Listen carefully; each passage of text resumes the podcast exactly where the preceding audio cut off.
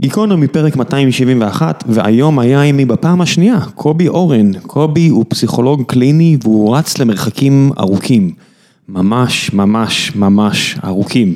אלפי קילומטרים בבת אחת, והוא אה, עומד בפני אתגר מאוד גדול אה, לקראת סוף השנה הזו של נרחיב עליו בפרק עצמו, מן הסתם שתכף תאזינו לו. ולפני שאני אה, אספר לכם עוד על הפרק ועל השותפים שלנו, אני אספר לכם על נותני החסות שלנו הפעם, וזו שוב חברת AIG. חברת הביטוח AIG אה, השיקה ביטוח בריאות חדש, שנקרא AIG Safe, Safe Life, ועליו אני רוצה לספר לכם.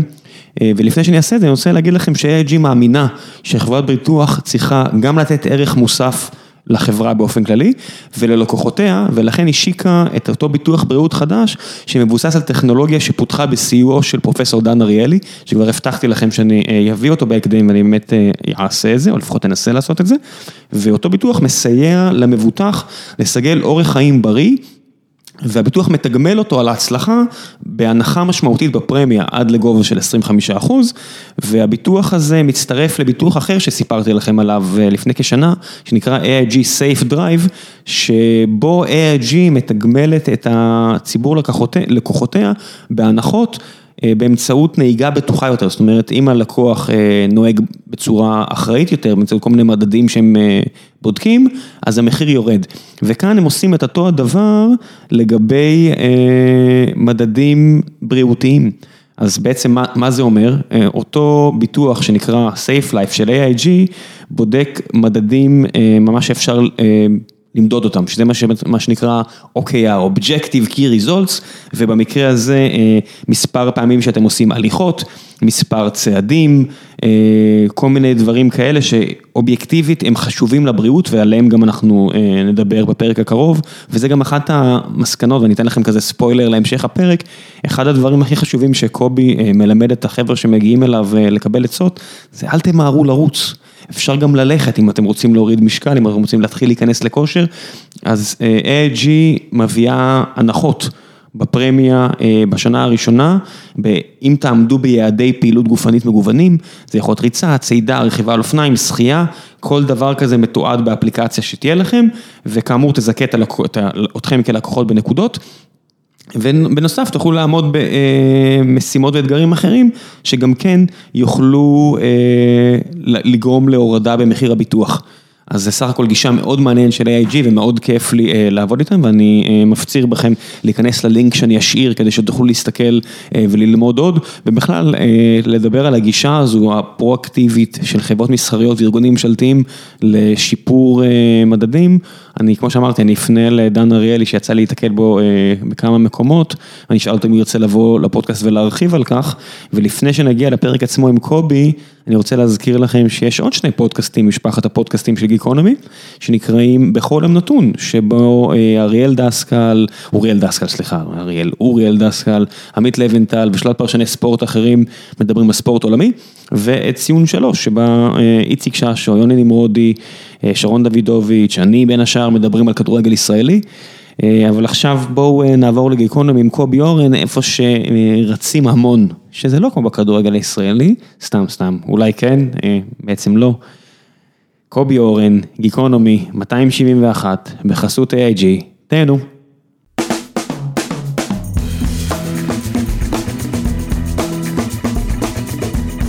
גיקונומי פרק 271, והבוקר נמצא עימי שוב קובי אורן, בוקר טוב. בוקר משובח לך.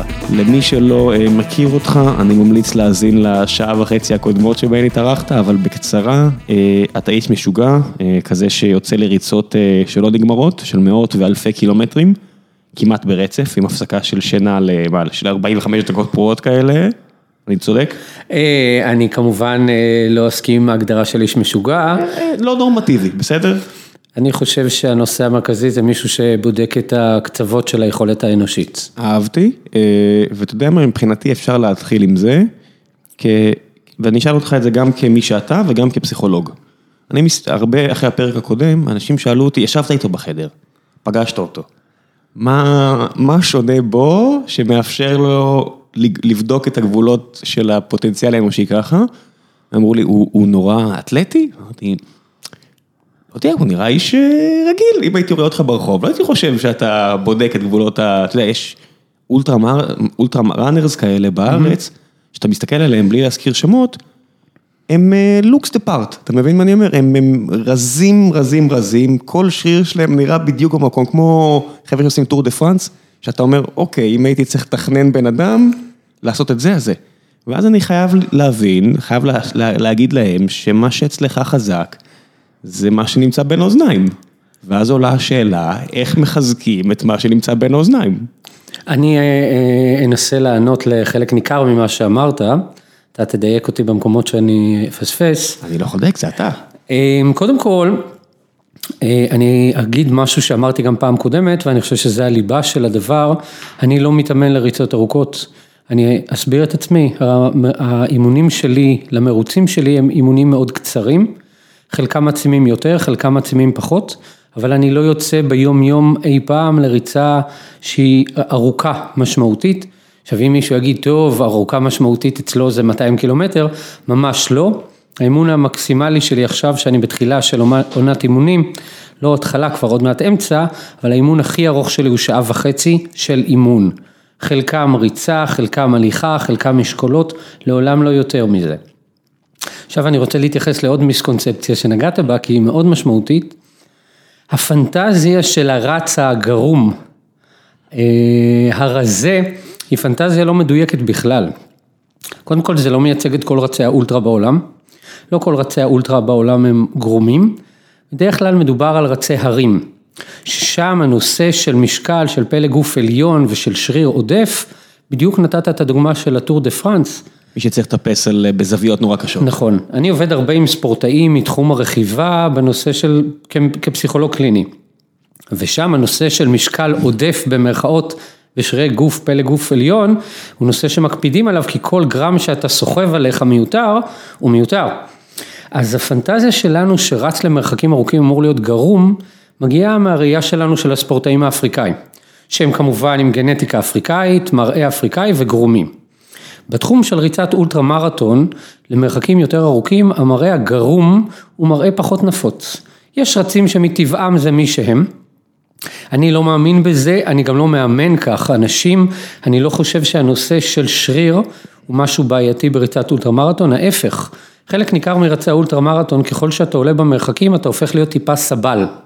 במילים אחרות, אתה רץ עם 3, 4, 5 קילו על הגב. אם אתה תהיה רץ גרום, התחילו להיות לך גם כאבים ברגליים וגם כאבי גב. ולכן חלק מהאימונים שלי, פרטנית לי, הם אימוני משקולות, יש לי לפחות שישה אימונים בשבוע של אימוני משקולות. איך נראה אימון משקולות אצלך? אימון משקולות הוא אימון, זו שאלה אם הוא משקל כבד, אם אני הולך על משקלים כבדים אז זה פחות חזרות, דגש מאוד רב על סוג התנועה, אתה לא רואה אותי כמפתח גוף, אני לא בן אדם עם גוף, דובר על האם אני נראה כאדם ביישוב, אני בטוח לא רזון. לא, אתה, אתה באמת נראה מאוד אתלטי, צעיר לגילך, אתה נראה very well fit. בוא נגיד, אתה לא אתה נראה פה, כמו בן אדם ששומר מאוד על עצמו. הנושא הוא fit, הנושא הוא לעבוד על משקולות, אני לא עובד באופן שינפח אותי, לפרקים שהתזונה שלי לא טובה, אני משתמש באבקות חלבון כדי להשלים במקומות שהתזונה שלי לא טובה, כי מאוד קשה לי להקפיד על תזונה, אני עובד הרבה מאוד שעות במהלך היום, ולהקפיד גם על תזונה נכונה, לפעמים אני חוטא. כמה ולכן, גרם חלבון ביום? מנסה אחד לאחד? אני מנסה, שוב, אני, אני במאבק דרמטי, כי אי אפשר להחזיק בכל, אי אפשר להחזיק בהכל בצורה תקינה. ואז השאלה אם אתה מקפיד על האימונים, מקפיד על השינה, מקפיד על התזונה, בעולם אידיאלי, הלוואי והייתי יכול להקפיד על כל הבסיסים, אני מודה שאני, הבסיס שאני הכי מזניח זה הבסיס של השינה. שמע, הרבה אנשים, וזה אחד מנקודות החוזקה שלך, אבל אני רוצה שנייה להתמקד בנושא של התזונה, אין הרבה אנשים ברמה הכי גבוהה בתחום שלך, לא בעולם, ובטח שלא בארץ. אני מסתכל על החבר'ה האחרים אה, אה, בארץ, זה נראה כאילו אצלהם העניין של התזונה, המינימליסטית הזו, הטבעונית, ה...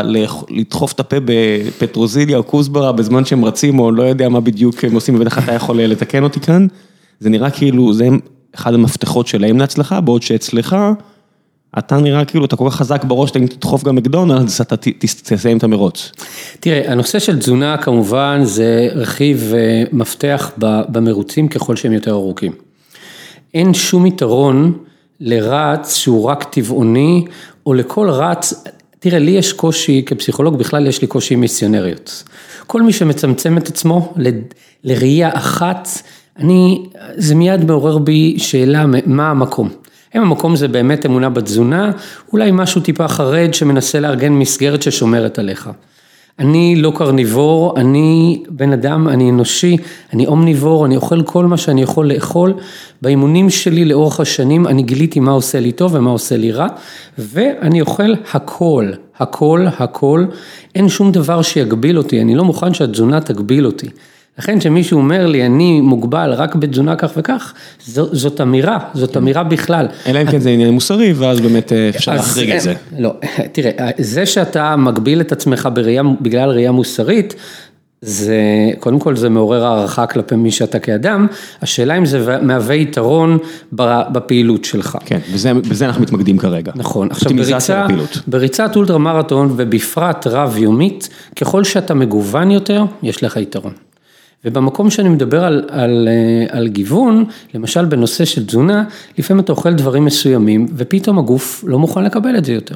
הייתה לי תקופה שאהבתי מאוד, הנה אני אתן לך דוגמה על משהו לכאורה טבעוני, שהייתי משלב המון בננות, אחרי איקס זמן פתאום זה חסם אותי. ואני לכל... מעיים, כן? מה אתה אומר? אתה מדבר על מעיים. חסם אותי, לא הייתי מסוגל להכניס את זה, יכול להיות שהייתי יכול עוד לאכול את זה, אבל בריצה רב יומית אתה חייב לגוון. ככל שאתה מגוון יותר, אתה עמיד יותר, דרך אגב, כל מה שאני אומר... איך אתה מסביר את זה ביולוגית, כימית, אני יודע מה? זה ברור, תחשוב על זה, אנחנו בני אדם, המערכת שלנו נועדה לעבוד עם מגוון של אוכלים. כשאתה מצמצם את עצמך, אתה שם את המערכת במקום מורכב.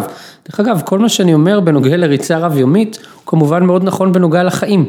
יש לנו יכולת להיות מגוונים. ככל שאתה מגוון יותר, אתה עמיד יותר. כל מי שמצמצם את עצמו, הופך את עצמו לפגיע יותר. אני מגיע לריצה רב יומית, אני יודע שמבחינת אוכלים, הכל פתוח. אני כבר יודע מה המגבלה באוכלים מסוימים. ואז אני מתחיל, ואני מגוון, האוכל שלי הוא אוכל יומיומי, אוכל יומיומי, בנוסף, אני בא גם עם אוכל טכני, אוכל של ג'לים, שרצים מכירים, שאותו אני משלב כאשר אני מרגיש תקוע. אז אני מכניס איזשהו ג'ל, בדרך כלל פותח לי את התיאבון. אבל שוב, אי אפשר לשרוד לאורך זמן, א', רק בתזונה אחת, דרך אגב, מבחינתי, כל מי שהוא מיסיונר רק של תזונה אחת, גם מי שיגיד לי אני אוכל רק בשר, יהיה לי קושי עם זה, כמו מי שיגיד לי אני אוכל רק צומח. לשניהם יש מגבלה, יש כל אחד והמגבלה דחף, שלו. יש לך איזשהו דחף, נגיד, מה המרוץ הבא שלך? המרוץ הבא שלי הוא בדצמבר, ב-12 לדצמבר, 20 יום בדרום אפריקה. אז 20 יום בדרום אפריקה, אחד, אה, זה לא המרוץ המפורסם עם ה... שאני מכיר של ה-90 קילומטר מן הסתם, זה מרוץ לא, אתה מדבר על ה... אתה, אתה בטח מדבר על הקומראדס. כן. הקומראדס, לא. המרוץ הזה הוא מרוץ רב יומי, 20 יום קלאסיים, שזה אומר שאנחנו הרצים קובעים מתי אנחנו רצים ומתי אנחנו נחים. מרוץ על רצועה של 500 מטר, שבה אה, אנחנו נרוץ שוב פעם. המרוץ הזה הוא מרוץ שיותר, אני מודה שאני פחות בא אליו לאלמנט התחרותי. אני לא חושב שיהיה לי שם תחרות משמעותית, אוקיי, זה מה שרציתי לשאול אותך. התחרות המרכזית תהיה תחרות פנימית. אבל פעם שעברה, כשהיית כאן, האלמנט של הניצחון, של התחרות, אם משהו קרה ממך, זה הרצון לנצח. ברור. וכאן אתה מגיע, ומה שרציתי להמשיך מהעניין של התזונה, זה אם נגיד היה מולך מישהו שהוא אוכל רק בשר, אתה יודע שזה גם נהיה, כמו שאמרת, נהיה איזושהי תופעה, אבל ממש רק בשר, אם היה לך איזשהו רצון להוכיח, אני אנצח דווקא אותו. אבל פה אתה אומר שאפילו... אני לא פועל. אני לא פועל במקום, אני חושב שאני בא למרוץ, א', אני רוצה לדעת שאני עשיתי את כל הדרך שלי באופן הכי מיטיבי, כדי שאני, שאני אוכל להביט במראה ולהגיד עשית הכל.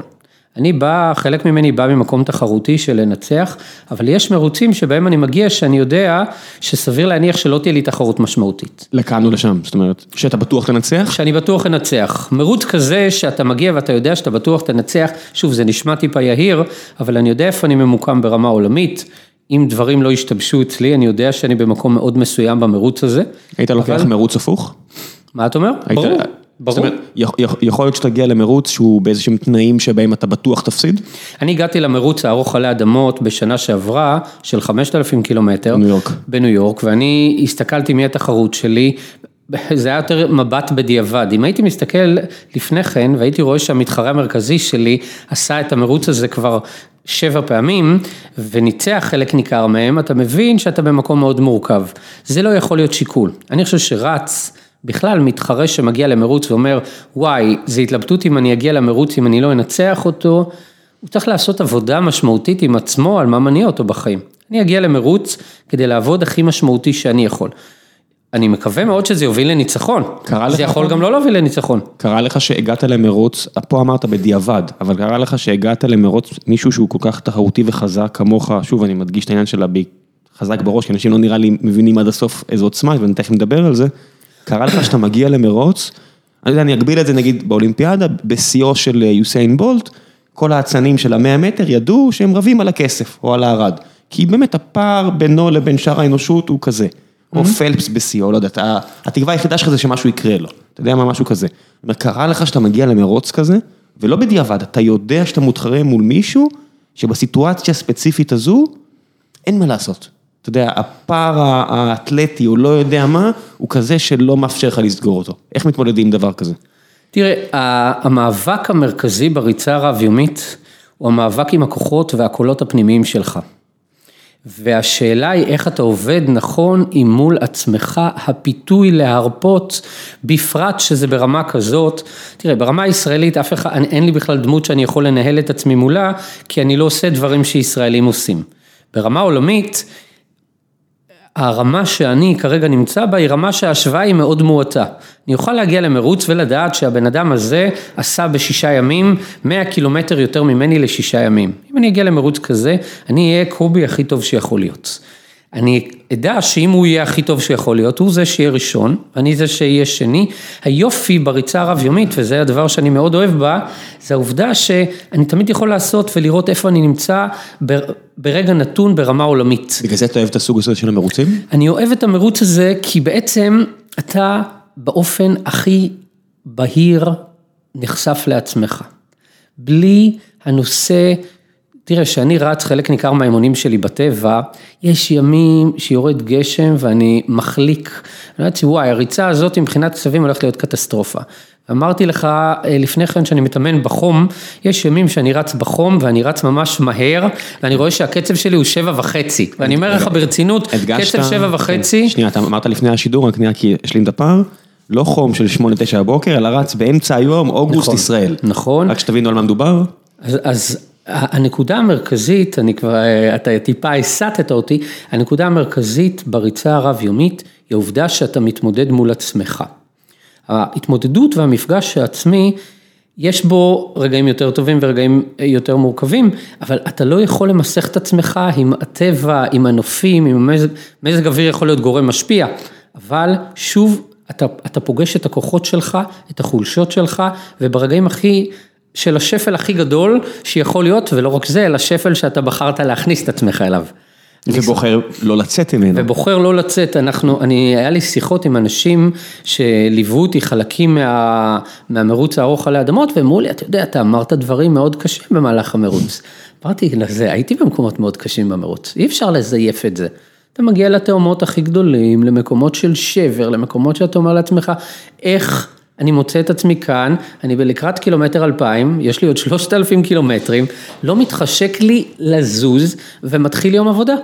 יום עבודה, הווה אומר 18 שעות שאתה חייב להכניס לפחות 100 קילומטר, אתה לא רוצה להיות שם. תשמע, כל כך הרבה יזמים טכנולוגיים או פוליטיקאים עכשיו, או לא יודע מה, אנשים שהחיים שלהם הם גם סוג של מרתון, שומעים אותך ואומרים, אוי, הוא מתאר פה לא רק ריצה.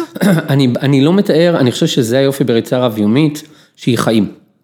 ואתה יודע, בחיים אתה הרבה פעמים יכול לזייף לעצמך, למה לא עשית דברים מסוימים. למה קרו דברים מסוימים, היה לך מזל רע, אתה נולדת למשפחה הלא נכונה, קרו דברים לא נחמדים. כשאתה מגיע למרוץ רב-יומי, אתה אומר לעצמך, אני אומר לעצמי, בלי בולשיט. אתה נכנסת למצב הזה, תעשה הכי טוב שאתה יכול, בלי ויתורים עצמיים, גם שמאוד מתחשק לך, אתה תמתין. הנושא פה, א', הוא ויסות, קודם כל ויסות. אם אתה תפתח מהר מדי, יהיה לזה מחיר, אם תפתח לאט מדי, יש לזה מחיר. יש לי כבר אסטרטגיות לאיך מנהלים מרוצים, אני מנהל אותם כבר כל כך הרבה שנים. אני יודע גם איך דברים נראים שהם מתחילים להשתבש, אבל שוב, היופי בריצה הרב-יומית, אתה יודע, אני, אני דיברת על, ה, על השאיפה לנצח ועל העובדה, אני ניצחתי כבר שמונה מרוצים בינלאומיים, הדבר המרכזי במרוצים הרב-יומיים הוא לא החדווה במרכאות שאתה מוביל והולך לנצח, אלא העובדה שזה שגרה. מרוץ רב יומי נראה כמו שגרה. אתה עכשיו מנהל יום, אתה אמור לנוע ברמה מסוימת, לאכול ברמה מסוימת, התמודדות עם שגרה, ושגרה שלא בא לך. הרבה פעמים לא בא לך. וברמה הזאת, זה כל כך דומה לחיי היום-יום, לפעמים אתה בא, אתה מתעורר ליום עבודה, לא מתחשק לך, אבל אתה חייב. כן, אבל החיים הם לא רק מרתון, אם אני מגביל את זה לתקופה של אה, אה, באמת יזמות טכנולוגית, מה שאני חי כבר לא מעט שנים, יש, רוב הזמן זה באמת מרתון, לא מרתון, מרוץ רב יומי, mm-hmm. אבל יש רגעים שזה מרוץ של 24 שעות, שבו אתה צריך אה, להגיע, והסיכויים נגדך, ויש אנשים ש-24 שעות רצים יותר טוב, ואין מה לעשות, אתה צריך לתת הכי טוב עכשיו כדי למקסם את הסיטואציה, וזה גם קושי. אני... זה, קושי, זה קושי אחר לגמרי. זה קושי אחר לגמרי, ויש בו גם חדווה שהוא במרכאות זמני. או ספרינט אפילו, או אפילו מרתון, אתה יודע, אם אני רוצה לתת את כל האנלוגיות לריצה. אז יש לי סיפור דווקא מאוד, אה, שבדיוק מראה את הנקודה הזאת, כרץ תחרותי במרוצים הראשונים שלי לשישה ימים, אני חתרתי לעבור את ה-800. 800 קילומטר. 800 קילומטר לשישה ימים, זה כמו לרדת מה sub שלוש במרתון, זה אמירה שבעצם אתה, בשנים האלה אתה ממקם את עצמך ב top חמש, top ארבע ברמה עולמית, ואני סדרתית הייתי מנצח מרוצים. מתחרות באנשים, עסוק בקצב שלהם ואיך לנצח אותם. רגע, רגע, אני רק חייב שאתה אומר לרדת משלוש, לרדת משלוש למרתון זו תוצאה חובבנית אה, טובה, לרדת כן. משתיים אולי, לא יודע מה, אני יודע מה זה שיא עולם. אז ברמה הזאת, זה, לעבור את השמונה מאות, זה היה ברמה של נניח, הרי ישראלים לא, הרי ישראלים לא עוברים במרתון את השתיים עשר, אבל בוא נאמר את זה ככה. כן, הכי טוב זה שתיים ורבע, שתיים שבע עשרה אתה רואה בארץ. אז לעבור את השמונה מאות זו הייתה אמירה דרמטית. אמירה דרמטית, המרוץ הראשון שלי לשישה ימים היה קטסטרופה שלא ידעתי לנהל, עשיתי 704, ואמרו לי, אנשים ששמעו על 704 והם מבינים בתחום, אמרו לי, תוצאה מדהימה, אני הרגשתי שזה לא הסתדר כמו שצריך, ואז ניגשתי לרוץ ולעשות מרוצי שישה ימים, שהמטרה שלי היה לעבור את ה-800. נכנסתי למרוצים, שמהר מאוד זיהיתי מי הכי חזק, אם מדברים על תיאוריית הניצחון, והמטרה שלי הייתה לנצח אותו. הייתי קשוב לקצבים של מי שאני מתחרה בו, לקצב החיצוני ולא לקצב הפנימי שלי. אז ניצחתי את יוון, עשיתי 768. אז ניצחתי את צרפת, היו שם מאות מתחרים, עשיתי 729. ואז ניצחתי את נורבגיה, עשיתי 771, אבל באתי עם תוכניות סדורות איך אני עובר את ה-800, לא הצלחתי לעבור את ה-800. בספטמבר 15, 2015, נכנסתי למרוץ של שישה ימים נגד אלוף דרום אפריקה בדרום אפריקה, אלוף דרום אפריקה למרחקים יותר קצרים, הוא התחיל להרביץ צווים מטורפים. מרחקים קצרים, אנחנו מדברים על מרוץ של 24 שעות? אני מדבר על מרוץ של 24 שעות, הוא בן אדם של 100 מייל ב-15 שעות, בן אדם מאוד מאוד מאוד מהיר, מדהים, מדהים. אני הגעתי עם תוכנית סדורה, לקובי, איך קובי עובר את ה-800, כי קובי צריך לעסוק בשדים שלו, לא בשדים של הבן אדם השני. למרות שזה בדיאגרמת ון הזו, זה לגמרי חופף. אם אתה עובר את ה-800, בוודאות ניצחת, כי הוא לא עובר את ה-800. כן, אבל ברגע שאתה עסוק בקצב של הבן אדם האחר, אתה מוסך מעצמך, אתה לא קולט אותות שאומרים לך להאט, אותות שאומרים לך לאכול. ברגע שאתה מוסך מעצמך, אתה לא תעבור את ה-800. אני הוסחתי סדרתית גם במרוץ הזה, אני הכנתי תוכנית סדורה לשינה. כי לא הצלחתי לישון במרוצים הקודמים, כי הייתי עסוק מאוד בתחרותיות. מהיממה הראשונה הייתי אמור לישון, איך שאני הולך לישון, זה היה בדרום אפריקה, בספטמבר, איך שאני הולך לישון, אנחנו רצים בפארק בדרום אפריקה, מתחיל קרנבל לא נורמלי בדרום אפריקה, חג, חג לאומי שלהם, חג בפארק, אני הולך לישון, לא מצליח לישון דקה. אני יוצא החוצה, למרות שהייתי אמור לנהל את השינה, לא הצלחתי לישון, אז רצתי. ככה ארבעה ימים, אני מנסה לישון ולא מצליח לישון ולכן יוצא לרוץ, ובאופן די יפה, במרכאות, זה הוביל לזה שהובלתי עליו. הייתי ראשון, ושוב פעם לא הצלחתי לווסת את עצמי. והסתכלת עליו ישן? ראיתי שהוא ישן, ראיתי שהוא דוחף מאוד חזק, הוא, היה, הוא במקום, תראה, יש משהו שאתה מתחרה מול מישהו שהאלוף המדינה שלו, שהוא במקום מאוד מורכב. אני בן אדם זר, והוא מסתכלים עליו ואומרים, וואי, הוא אמור לנצח. הוא לבן? בחור לבן. התחום, זה חוזר לנושא שאחרי זה אם תרצה נוכל לחזור עליו, על העובדה שאנשים אפרו-אמריקאים, אפרו-אמריקאים, אנשים אפריקאים, זה אפרו-אמריקאים, תגיד לי.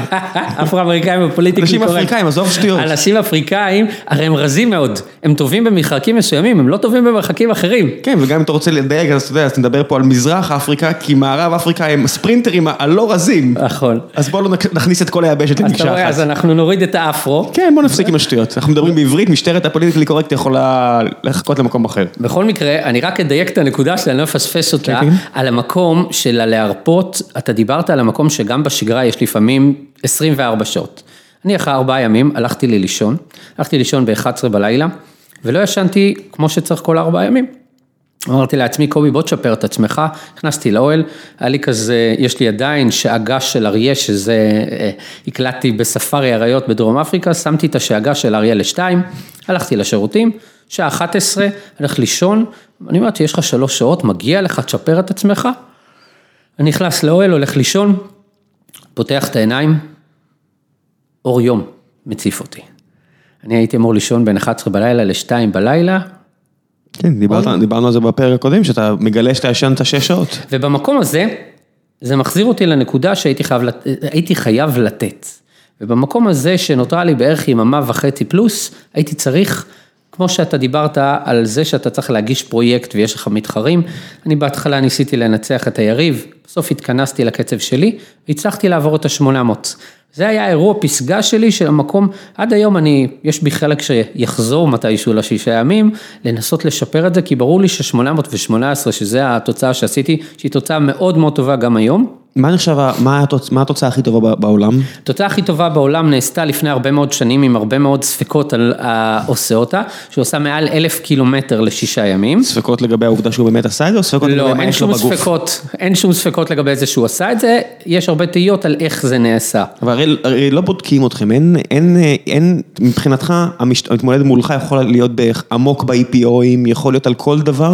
זה נכון, אין, זה נכון. הספקות הם לא רק על אלף, הספקות הם על כל אחד ואחד מכם, אה, כלפ, אחד כלפי השני הרי. בחלק ניכר מהמרוצים לא מאפשרים לך לעזוב את האזור של המרוץ כדי לראות מה קורה איתך. בסדר, אז תעשה, אתה יודע, בס- בספורט מקצועני זה לא עניין על, על היום. אתה יודע, יכול להיות שמתמודד עם בן אדם ששנה אחורה אה, פיצץ את הגוף שלו בכל חומר משפר ביצועים אפשרי. זה נכון, אבל יש פה כמה ראיות. קודם כל, חלק ניכר מהספורטאים, ובטח בראייה שלי, רואים באירוע הזה כאירוע שיש בו גם אלמנטים רוחניים. במילים אחרות, אם אתה... אם אתה החומר צריך- נגמר, זה רק רוח. אבל אני- תראה, אם מישהו יבוא וינסה לרמות עם סמים, אז א', לי אין מה לעשות עם זה, וב', זה קצת מבחינתי יעוות את הרוח של העשייה הרב-יומית. אפילו לא סמים, אנחנו מדברים פה על, על מנות דם. מנות דם, כל דבר שהוא לא חוקי. אבל אין חוק, אני אומר, אתה מבין, אתה, לא, כאילו, כאילו לוקח חוק מתחרות אחרת, זה, נכון. כמו שאני אשחק שח ואני אביא חוקים של פוקר, של אסור לי, לא יודע, מה לדבר או דברים כאלה. הרי אתם נמצאים במקום שהוא unregulated. זה נכון. אז, החוקים הם שאולים מחוק אחר, ואז יבוא הבן אדם ויגיד, אני לא משחק לפי החוקים, לא, לא, לא החתמתם אותי על איזשהם חוקים. זה נכון, אני חושב שהראייה המרכזית של הרוח של מי שרוב המר- המרוצים מאורגנים, בראייה שאומרת בוא תתמודד עם עצמך. בוא תתמודד עם עצמך, כמו שאני דיברתי על בוא תיחשף לעצמך. זה אפילו ברמה של אסור לך ליווי. בחלק מהמרוצים עלי אדמות, בפרט במרוצי אולטרה, יש לך לפרקים, מותר לך מלווה. פה, בחלק מהמרוצים אומרים לך, אסור לך ליווי. מלווה שרץ ממך. כן, מלווה שירוץ איתך שעה. פייסר, לא יודע מה... לא משנה אפילו פייסר, דרך אגב, ברמה רוחנית אני יכול להגיד לך שברגע שיש איתו. מישהו שאתה אנושי שאוהב אותך, שמדבר איתך, אתה במקומות אחרים לגמרי. אני חושב שזה הבדל דרמטי, והראייה אומרת, אתה לבד. אתה לבד, אפילו ברמה של בוא נעזוב פייסר, מתחרה שמתחבב עליי, אנחנו נרוץ ביחד. הוא מתחרה, אני מתחרה, אף אחד פה לא מרמה. הראייה תהיה בחלק ניכר מהמרוצים, תקשיבו, אה, אתם הייתם ביחד שני סיבובים, שלושה סיבובים, תתמודדו לבד. רגע, זה פה- ראייה של מי? תראה, זה ראייה, קודם כל הראייה הבודהיסטית אה, של סריג' צ'ימוי, שזה אה, במרוצים שאני התחרתי בארצות הברית, גם במרוצים של העשרה ימים וגם במרוץ הארוך עלי אדמות, הר- הראייה אומרת בוא תתמודד לבד, אבל חלק ניכר, הואיל והקהילה הזאת היא קהילה מאוד מרכזית בתחום של ריצה רב-יומית, כל התחום של ריצה רב-יומית מושפע ב- בראייה, והראייה אומרת, אם אתה באת לעשות תהליך שהוא תהליך פנימי, המרוץ פה החיצוני הוא דרך למסע פנימי. אם אתה רוצה לעשות את המסע הפנימי שלך עם עצמך, בוא תעשה את המסע שלך עם עצמך. אחרת, אה, שוב, אנחנו מדברים, מבחינתי אתה דיברת על אה, רמאויות במרכאות, אתה מזייף לעצמך. זה משהו אחר. זה, זה, זה כבר אה, סט של ערכים בניגוד לחוקים. נכון, אז יש- בערכים, בערכים של בוא, אל, תז, אל תזייף לעצמך. זה היופי, העובדה שאתה יכול לעשות תהליך נפשי עם עצמך, לטוב ולרע, דרך המרוצים האלה. תהליך נפשי, בוא נגיד, אה, טהור, נקרא לזה. טהור, תראה, המכל הפיזי, הרי הוא מכניס את המורכבויות שלו.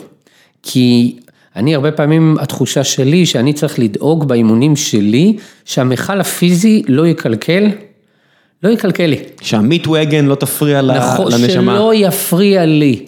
ודרך אגב, זה מחזיר אותנו לנושא שהתחלנו איתו על האימונים.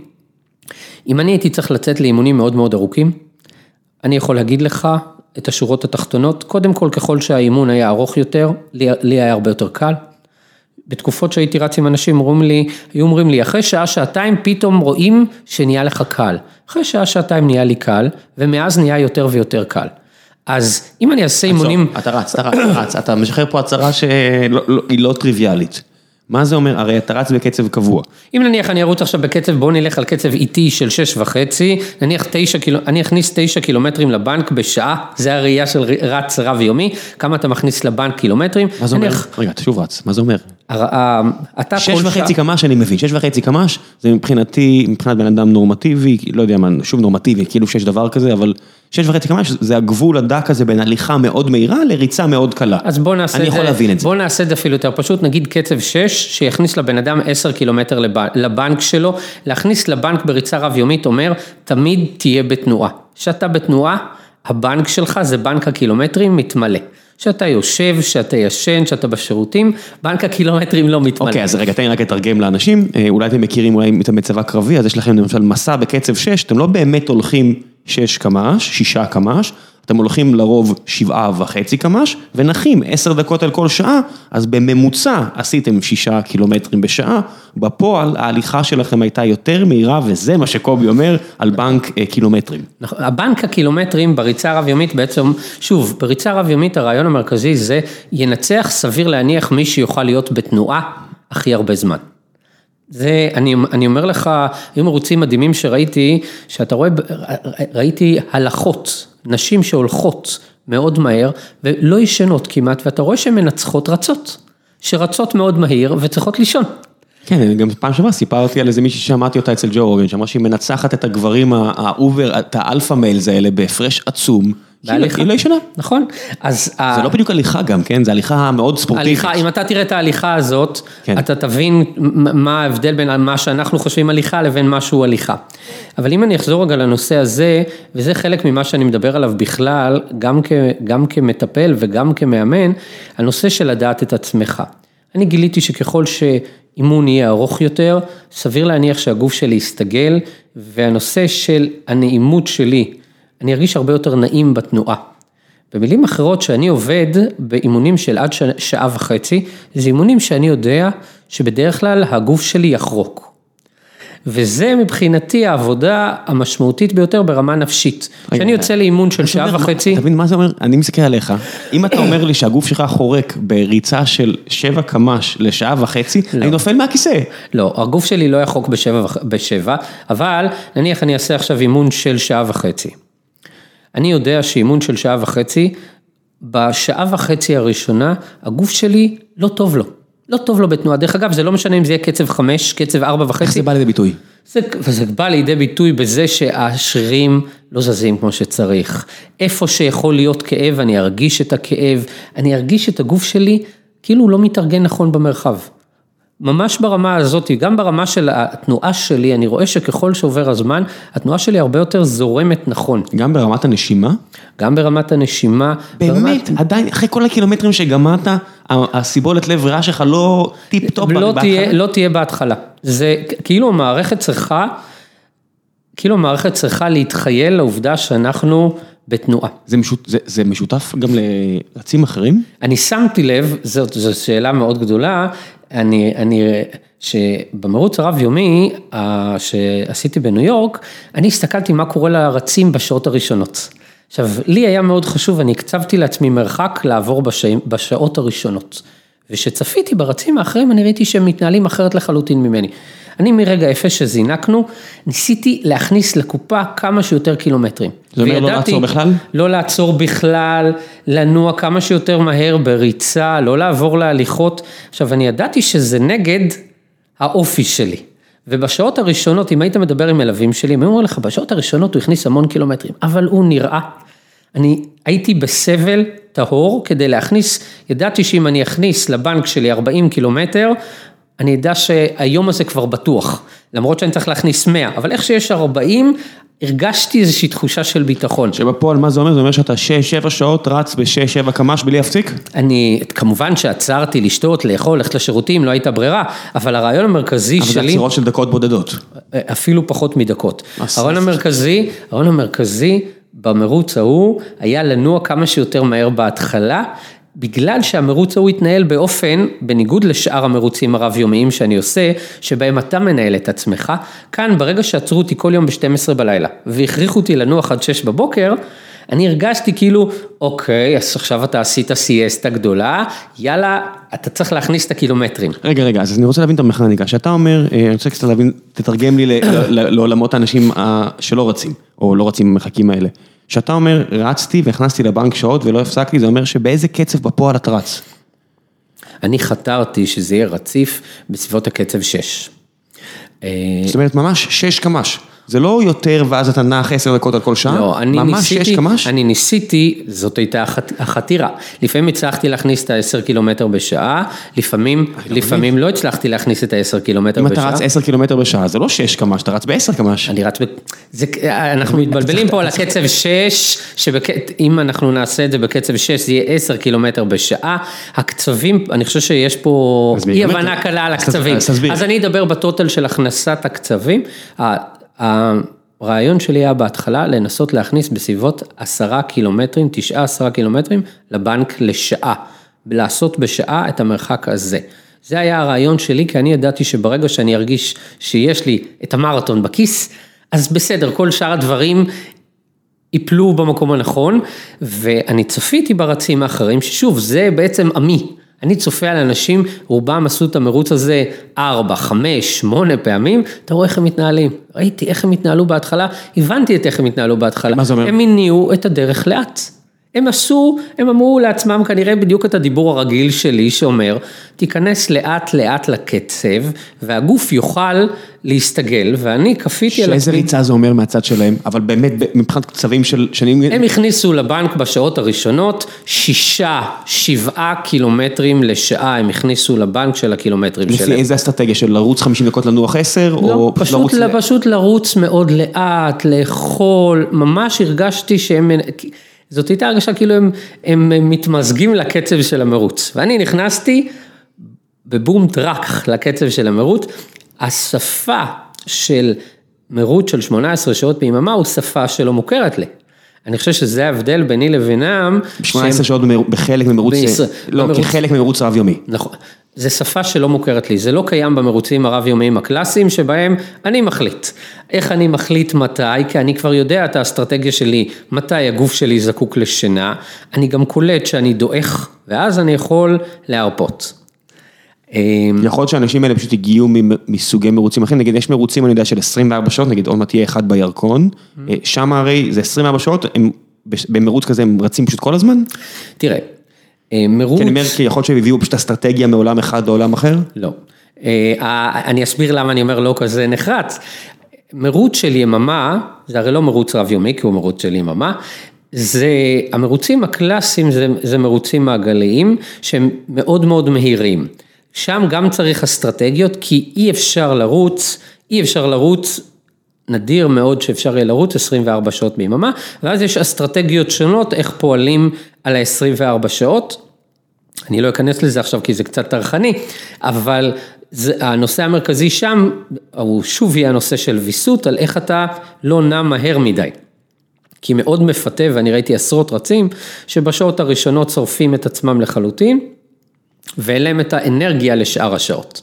המתחרים שאני רצתי מולם דווקא היו מאוד ותיקים במרוץ הזה, זה נשמע לי כאילו אתה עשית את זה במרוץ שאתה מדבר עליו, שפשוט רצת מהר מדי בהתחלה. רצתי בהתחלה, אה, רצתי בהתחלה מהר, כי היה לי חשוב להגיע למרחק מסוים, כי אני לא הרגשתי בטוח כמוהם, שהם יצליחו לצבור את הקילומטרים. למה? הם כאילו... זאת הייתה, זה היה פעם ראשונה שלי. אבל, ו- אתה, אבל זה לא פעם ראשונה, אתה יודע, אתה, אתה, מה, אתה מכיר, you know yourself, אתה יודע, בספר המלחמה הסיני, החוק הראשון זה know yourself, לפני know your enemy. אתה יודע את עצמך. אתה, אני אתה יודע את עצמי, תראה, המרוץ הזה, אה, המרוץ הארוך על האדמות היה מקום של לדעת את עצמך עד רמה מסוימת. אה, זה מזכיר לי שיחה שניהלתי עם בחור אחרי מרתון טבריה, שהוא, שהוא רץ שם עשר, באותה תקופה היה עשר קילומטר במרתון טבריה, אז הוא אמר, תקשיב, מה ההבדל בין מרתון לבין עשרה קילומטרים? כאילו, מרתון זה ארבע פעמים עשר. אה, זאת הייתה הראייה שלו, אני זוכר שזה מאוד הצחיק אותי. כשאני הגעתי למרוץ הארוך עלי אדמות, אז רצתי אה, מרוץ של אלף מייל, של 15 יום. עכשיו, יכול להיות שאתה תבוא ותגיד לי, תקשיב, מה ההבדל בין אלף מייל לשלושת אלפים ומאה מייל? זה פשוט? כפול שלוש. זה כמו שתגיד לי מה ההבדל בין אה, טמפרטורה של אה, מינוס 10 למינוס 80, זה, אתה יודע, סך הכל טיפה יותר קר. אז כשאני הגעתי למרוץ הארוך עלי אדמות, אני הגעתי עם ידע גדול מאוד על עצמי ועל ניהול ריצה רב-יומית, אבל היה לי ברור שזה כמו ההבדל בין כיתה א' לבין פרופסורה. שזה כאילו תהליך של לימוד, אבל זה לא אותו תהליך. בשניהם יש לוח, בשניהם אתה יושב ומסתכל וחושב. ואתה מקווה שאתה יודע מה אתה עושה. כן. וכשנכנסתי, היה לי חשוב לדעת, בהתחלה, בהתחלה אני חושב שגם במרוץ הרב-יומי של החמשת אלפים קילומטר, באתי בה עם המוד שלה לנצח, אבל אחרי זה הבנתי את המשמעות של הדברים שאני עושה, וידעתי שאני חייב לסיים. והדרך שלי לסיים הייתה, תכניס. תירגע, שאתה יודע שאתה מסיים את היום. לא יכלתי להרשות לעצמי את הלוקסוס של בוא נראה, נזרום עם הדברים, כנראה שנכניס 100 קילומטר ליום, כנראה שנסיים ביום ה-50 פלוס. עבדתי מאוד קשה ולכן סיימתי בצורה מדהימה למרוץ ראשון. עשיתי את זה ב-46 ימים, שזה שישה ימים לפני ה cut-off. אבל שוב, יש לנו אסטרטגיות שונות וזה חוזר למה שאני כן. ואתה עשינו detour, שגם בשגרה יש תקופות שאתה צריך להגיש פרויקטים ואז אתה צריך לעבוד בקצבים אחרים, כי אחרת כל השגרה שקדמה לפרויקטים לא יהיה לה ערך. כמה מפתה כשאתה עושה כאלה הישגים אה, גופניים ורוחניים, אה, עד כמה מפתה להקיש, לקחת מסקנות מעולם אחד ולהשליך אותם לעולם אחר, שזה קצת ההגדרה של דמיון, אבל אני מסתכל למשל על אנשים כמו פרופסור ישראל אומן, זוכה פרס נובל, ואני שומע אותו מתבטא, הרי הוא אה, מאוד חזק בתחום מסוים בעולם, מתמטי, תורת המשחקים, אה, השלכות כלכליות כאלה ואחרות, ואז אני שומע אותו מתבטא בנושאים מאוד שונים, אה, מצפה ליחס מסוים, כי הוא אומר, אבל אני נורא חזק שם, למה שלא יקשיבו לי פה? ועד כמה מפתה למישהו כמוך, שגם חלק מהדיי ג'וב שלו זה לעזור לאנשים אחרים, אז עד כמה מפתה לקחת את המסקנות שלך מתחום אחד ולהשליחם לתחום אחר? ו- ועד כמה אתה נזהר בזה? תראה, או להפך, עד כמה באמת אה, קל ו- וכדאי לעשות את זה? אני אגיד אה, אמירות שיהיה בהן הרבה מן הסתירה. אני חושב שאתה יוצא לריצה מאוד ארוכה, אתה מלמד כמה, אתה לומד על עצמך עד כמה דברים שבירים בתור התחלה, כמה אתה לא יודע. כל מרוץ אני מגלה עד כמה אני לא יודע. ובמקום הזה, גם האידאה שעומדת מאחורי הריצה הרב-יומית, ואני לא מדבר רק על הבודהיסטים, אלא בכלל, האידאה אומרת, אני ואתה יצאנו למרוץ של שישה ימים. אתה עשית 400 ואני עשיתי 800. עקרונית אתה תגיד, אתה צריך לעלות על הפודיום במקום הראשון, ואני לא, כי אני לא. וברוב המרוצים הרב-יומיים, זה שיקבל, זה שעשה 800 וזה שעשה 400, שניהם יקבלו גביע. כי הם שניהם ניצחו. ושניהם לא יעמידו אחד על הפודיום ואת השני לא יעמידו על הפודיום, כי יגידו, הוא חי את חייו ועשה 800 והשני חי את חייו ועשה 400. במקום הזה אני לומד המון דברים בריצה הרב-יומית, שמאוד עוזרים לי מקצועית, בנושא של מוטיבציה, בנושא של התמודדות עם שגרה, בנושא של השגת דברים שהם נראים לא הגיוניים ודמיוניים.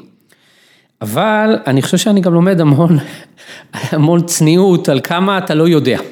כל מרוץ מראה לי, חשבת שאתה יודע? הפתעה. ואני חושב שאני, אני, למקצוע שלי אני לוקח כל מי שעומד מולי, אני, אני מבין עד כמה אני לא מבין בו. כמה אני צריך להיות שם ולהבין את החשיבה שלו ואת הדברים שהוא מתמודד איתם. אה, אני חושב שאני לוקח המון מהריצה שלי, אבל אני לוקח עם המון המון סייגים, אני לא, זה מחזיר אותנו לנקודה שדיברנו מקודם על מיסיונריות ועד לדעת את האמת, אני לא מאמין שיש אמת. לא אמת אחת, ואני לא מאמין שיש מישהו, יכול להיות שיש אמת שעושה לאדם מסוים סדר, והיא עושה לו טוב. רגע. אבל אני לא מאמין באמת קולקטיבית. יכול להיות שחמש שנים לאחר מכן האמת הזו כבר לא תקפה לאותו בן אדם. ו- וזה בסדר, זה חלק מהחיים שלנו, כנראה שאתה היית צריך בתקופה מסוימת, אמת מסוימת שתארגן אותך, אבל מי שאומר לי, אני יודע בדיוק מה צריך, אני בכלל, איך שאני קולט אנשים שמאוד בטוחים ויודעים את התשובה הנכונה כללית, אני נסוג שלושה צעדים אחורה, זה מעורר בי שאלות. מה לגבי תמונת הראי? הרי אמת נורא קשה לדעת, אבל לפעמים שקר אני יודע לזהות. זאת אומרת, אני יודע להגיד על עצמי, אה, אני משקר, אני מנפנף ידיים, אני מרגיש שהרבה פעמים, לפחות במקצועי, אני יודע להגיד את זה לאנשים אחרים, זאת אומרת, אין לי הרבה פעמים את הביטחון להגיד, אני צודק או הוא צודק, אבל ההפוך, אני מרגיש שאני כן יודע. זאת אומרת, אני כרגע משקר לעצמי, או לחילופין כרגע הבן אדם הזה משקר. תראה, אני חושב שיש משהו... הרי האם זה שקול? זה מה שאני שואל אותך. אני, אני חושב שלפעמים אני יכול לקלוט שמישהו ש, שמציג אמירה מסוימת לא עומד מאחוריה שום דבר. נפנוף ידיים. אני, אני חושב, אני שוב פעם, הנושא של ביטחון מוחלט זה משהו שביטחון מוחלט ואמירות שהן מאוד מרדדות, יש דברים שאני קולט ואני שוב, אני, אני, כל דבר שאומר, מישהו אומר לי, אני יודע מה הדבר הנכון, מעלה בי תהיות. כי זה שוב העניין הזה של אמת אחת נכונה. אמת אחת נכונה, הכללה לגבי אנשים אחרים. על הפסילה, על, השק... על, על להגיד על דברים מסוימים שהם שקר. זאת אומרת, הרי יש אין סוף אפשרויות. לדעת מה האפשרות האופטימלית, הנכונה, האמת, זה קשה, אבל אולי אפשר לפחות לצמצם את הרעש מסביב. אני אגיד, אני, אתה יודע, לא רואים את הדינמיקה בינינו של הראייה ושל הדיבור, אז אני אתמלל לעצמי למה קשה לי לומר על אמת ושקר. אני, אני חושב ש, שכפסיכולוג קליני, אני, אנשים שאומרים לי דברים מסוימים, הפריזמה של אמת ושקר, היא לא, היא לא יכולה להיות קיימת. זאת אומרת, בן אדם מספר לי את מציאות חייו, מעולם אני לא אמרתי, רגע, הוא אומר לי אמת או שהוא אומר לי שקר? כי זה לא השפה. אז כשאתה אומר לי אמת ושקר, אני מנסה לחשוב, זה לא יושב, יכול להיות שמישהו יספר לי, תקשיב, אני נורא סובל, ואני אגיד, רגע, הוא בכלל לא נראה, זה לא, זה לא, זה לא במילון שלי, אז אני פחות דובר את מה שאתה אומר. כן, ואני, ואני כאילו ביום יום נמצא במקום נורא שהוא שהוא, שהוא נורא באמת 0-1 אה, בהרבה מקרים, ואחד נורא קשה לזהות, אבל 0 נורא קשה לי, נורא קל לי לזהות, אתה מבין מה אני אומר? אני אני, אני בהחלט שומע מה שאתה אומר, אני חושב שפסיכולוג, שיהיה במקום חשדן, ולא נותן אמון מול מי שעומד מולו, הוא צריך הרבה טיפול, אה, פסיכולוג כזה. או שהוא לא במקצוע הנכון. או שהוא לא במקצוע הנכון, אני לא... אני לא עסוק במטופל שיספר לי איך בת זוג שלו גורמת לו סבל, וכ... אני לא עסוק ב... היא באמת גורמת סבל, למה אתה אומר לי, זה לא השפה, ש... זאת לא השפה שלי. אתה לפעמים, הרי כפסיכולוג, אתה יודע שהתפיסה שלך, הרי אתה, אתה מודע שהיא לא, לא מתאימה לכולם, נכון? בהחלט. איך אתה יודע לזהות שהבן אדם שמולך, לא, שהשיטה שבה אתה למדת ואתה מומחה בה, זאת אומרת, אתה פסיכולוג קליני, זה משהו שזה כברת דרך, שכל מי שמכיר את המסלול יודע להעריך את זה אולי, לא, טוב, אי אפשר להגיד לא פחות מריצה של 5,000 קילומטר, אבל זה בהחלט הישג עצום וראוי להערכה, אבל יש אנשים שאתה יושב מולם, אתה אומר, זה לא מתאים. עבור האופי הספציפי הזה לא מתאים, האם יש דבר כזה בכלל? תראה, אני, אה, אני עובד מספיק שנים כדי שאם אני רואה שבן אדם פונה אליי עם קושי שהם הוא לא קושי שאני עובד איתו, או שהוא מגדיר, ולכן אני מדבר מראש עם אנשים על מה הם מחפשים, אני בדרך כלל אמנע בכלל מ- מלקחת תחומים מסוימים. אם פותחים, פונים אליי הורים ואומרים, תקשיב, יש לנו מתבגר, יש לו קושי מסוים, אני יודע שזה קושי שאני לא עובד איתו, אני אפנה למישהו אחר מראש. אני חושב שכל מטפל, חלק מהאחריות המקצועית שלו זה לדעת באיזה תחום הוא מומחה? אי אפשר להיות מומחה בהכל. שמישהו אומר לי, אני עובד עם ילדים ועם מבוגרים ועם משפחות ועם זוגות ועם פוסט טראומה ועם פגיעה זה, ואני, וואו, איך, הרי אתה צריך, זה קשור גם ל, ל, לאישיות שלך. או, אתה רואה עכשיו חזרת למה שאני אמרתי? הנה שרלטן, אתה רואה, זה נורא קל להגיד אפס ולא אחד. הנה, הגענו לעמק השווה. אז זה לא, אז שוב, זה לא המילים שלי. בסדר, אבל מי שמאזין יכול למצוא גם את הוון הזו, את המעגל שנמצא עכשיו ביחד, אתה מבין? על זה אני מדבר. יש אנשים שאני לא יודע באמת אם הוא טוב בדבר אחד, אבל אני יודע שהוא לא טוב בהכל. אני, אני חושב כי הדברים פשוט לא הגיוניים, כי הבעיות הן שונות והדרך טיפול היא שונה, ו... וגם המטפל יש לו את המוגבלות האישיותית שלו. בדיוק. זה, אני חושב שזה הדבר המרכזי, שבסופו של דבר גם למטפל יש מנעד, מנעד רגשי מסוים. סגנון. סגנון, ואתה יודע, זה כמו בהורות, בהתאמה בין המזג שלך לבין המזג של התינוק שלך, צריך שתהיה שם התאמה. אם אין שם התאמה, אתה יכול כהורה לעשות עבודה, היופי זה שיש לך שותף כהורה, שיש בדרך כלל התאמות במזגים, לפחות של ההורים מול התינוק. אפשר, אבל אפשר לקוות. אנחנו כולנו מקווים. אני חושב שברמה טיפולית יכול להיות אדם שלא לא תהיה התאמה. אני חושב שבמקום הזה, טיפול גם עם מטפל שהוא כן מוכשר, הוא לא יתארגן נכון. אבל אתה מבין, המילה גם, גם מוכשר, אני, אני חושב במונחים של התאמה, אני אומר, אני משווה את זה נגיד לענייני מנהיגות או דברים כאלה, אני אומר, מי שמפקד צוות בשייטת, הוא לא בהכרח מי שצריך להדריך נערים בסיטואציה אחרת. כל אחד טוב למשהו ספציפי, או סגנון מסוים טוב, אני לא חושב שזה, יש הרבה אנשים שאומרים, אני טוב בזה, אז אני אשליך את זה גם על, ההוא, זאת אומרת, אני מאמן בכדורגל, לא יודע, אני, ככה אני מתייחס למכבי תל אביב, אז ככה אני גם מתייחס לקבוצת הנערים של ילדים 5 עד 8. זה חוזר לנושא המותאמות. ואני חושב, אתה יודע, אנחנו התחלנו את השיחה בלדבר על הרבה דברים, זה לוקח אותי דווקא לנושא של יחסי מאמן מאומן. יכול להיות שמאמן שהוא יהיה טוב מאוד מסו... לדברים מסוימים, גם לתחומים מסוימים, אבל עם אנשים מסוימים הוא לא יצליח לעשות את העבודה. אני, אני הרבה פעמים, אני, אני רואה קשיים, אני, אני מאוד אוהב לקרוא, אני מאוד אוהב לקרוא את הפייסבוק, אני רואה בזה כמעין ספר. ואני קורא, לפעמים אני קורא, זה, זה כמו אסופה של סיפורים קצרים. אני זוכר שכנער מאוד אהבתי את או הנרי, הוא היה כותב סיפורים קצרים, אני זוכר שהייתי קורא, זה היה מרתק אותי. אני הרבה פעמים קורא סיפורים של אנשים ואני אומר, וואו, אתה, אתה לא שם לב שמשהו לא, מישהו מספר על תהליך שלא עובד לו, ואני אומר, וואו, את, יש שם אי התאמה. מישהו מנסה עליך דרך שמאוד עובדת, בכללי, אבל היא לא הדרך המותאמת לך.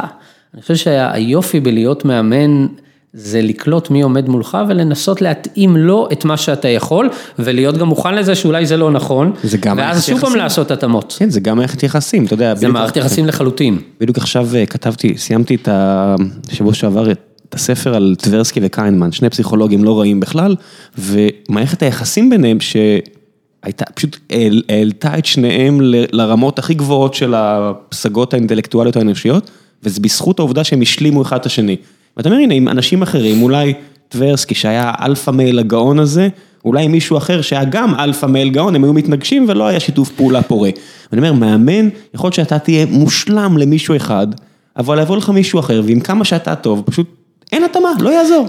אני, אני חושב שזה לוקח אותי, זה לוקח אותי גם להרבה מקומות טיפוליים, אני חושב שהנושא, אם ניקח את זה למקום של זוגיות, זוגיות במרכאות טובה אמורה לעזור לשני הצדדים להתפתח. אם זוגיות היא לא טובה, אז בהרבה רמות התהליך ההתפתחותי לפחות של שני אנשים לא מתקדם. כך שיכול להיות מישהו שהוא בן זוג מחורבן לך, אבל הוא בן זוג מדהים למישהו אחר.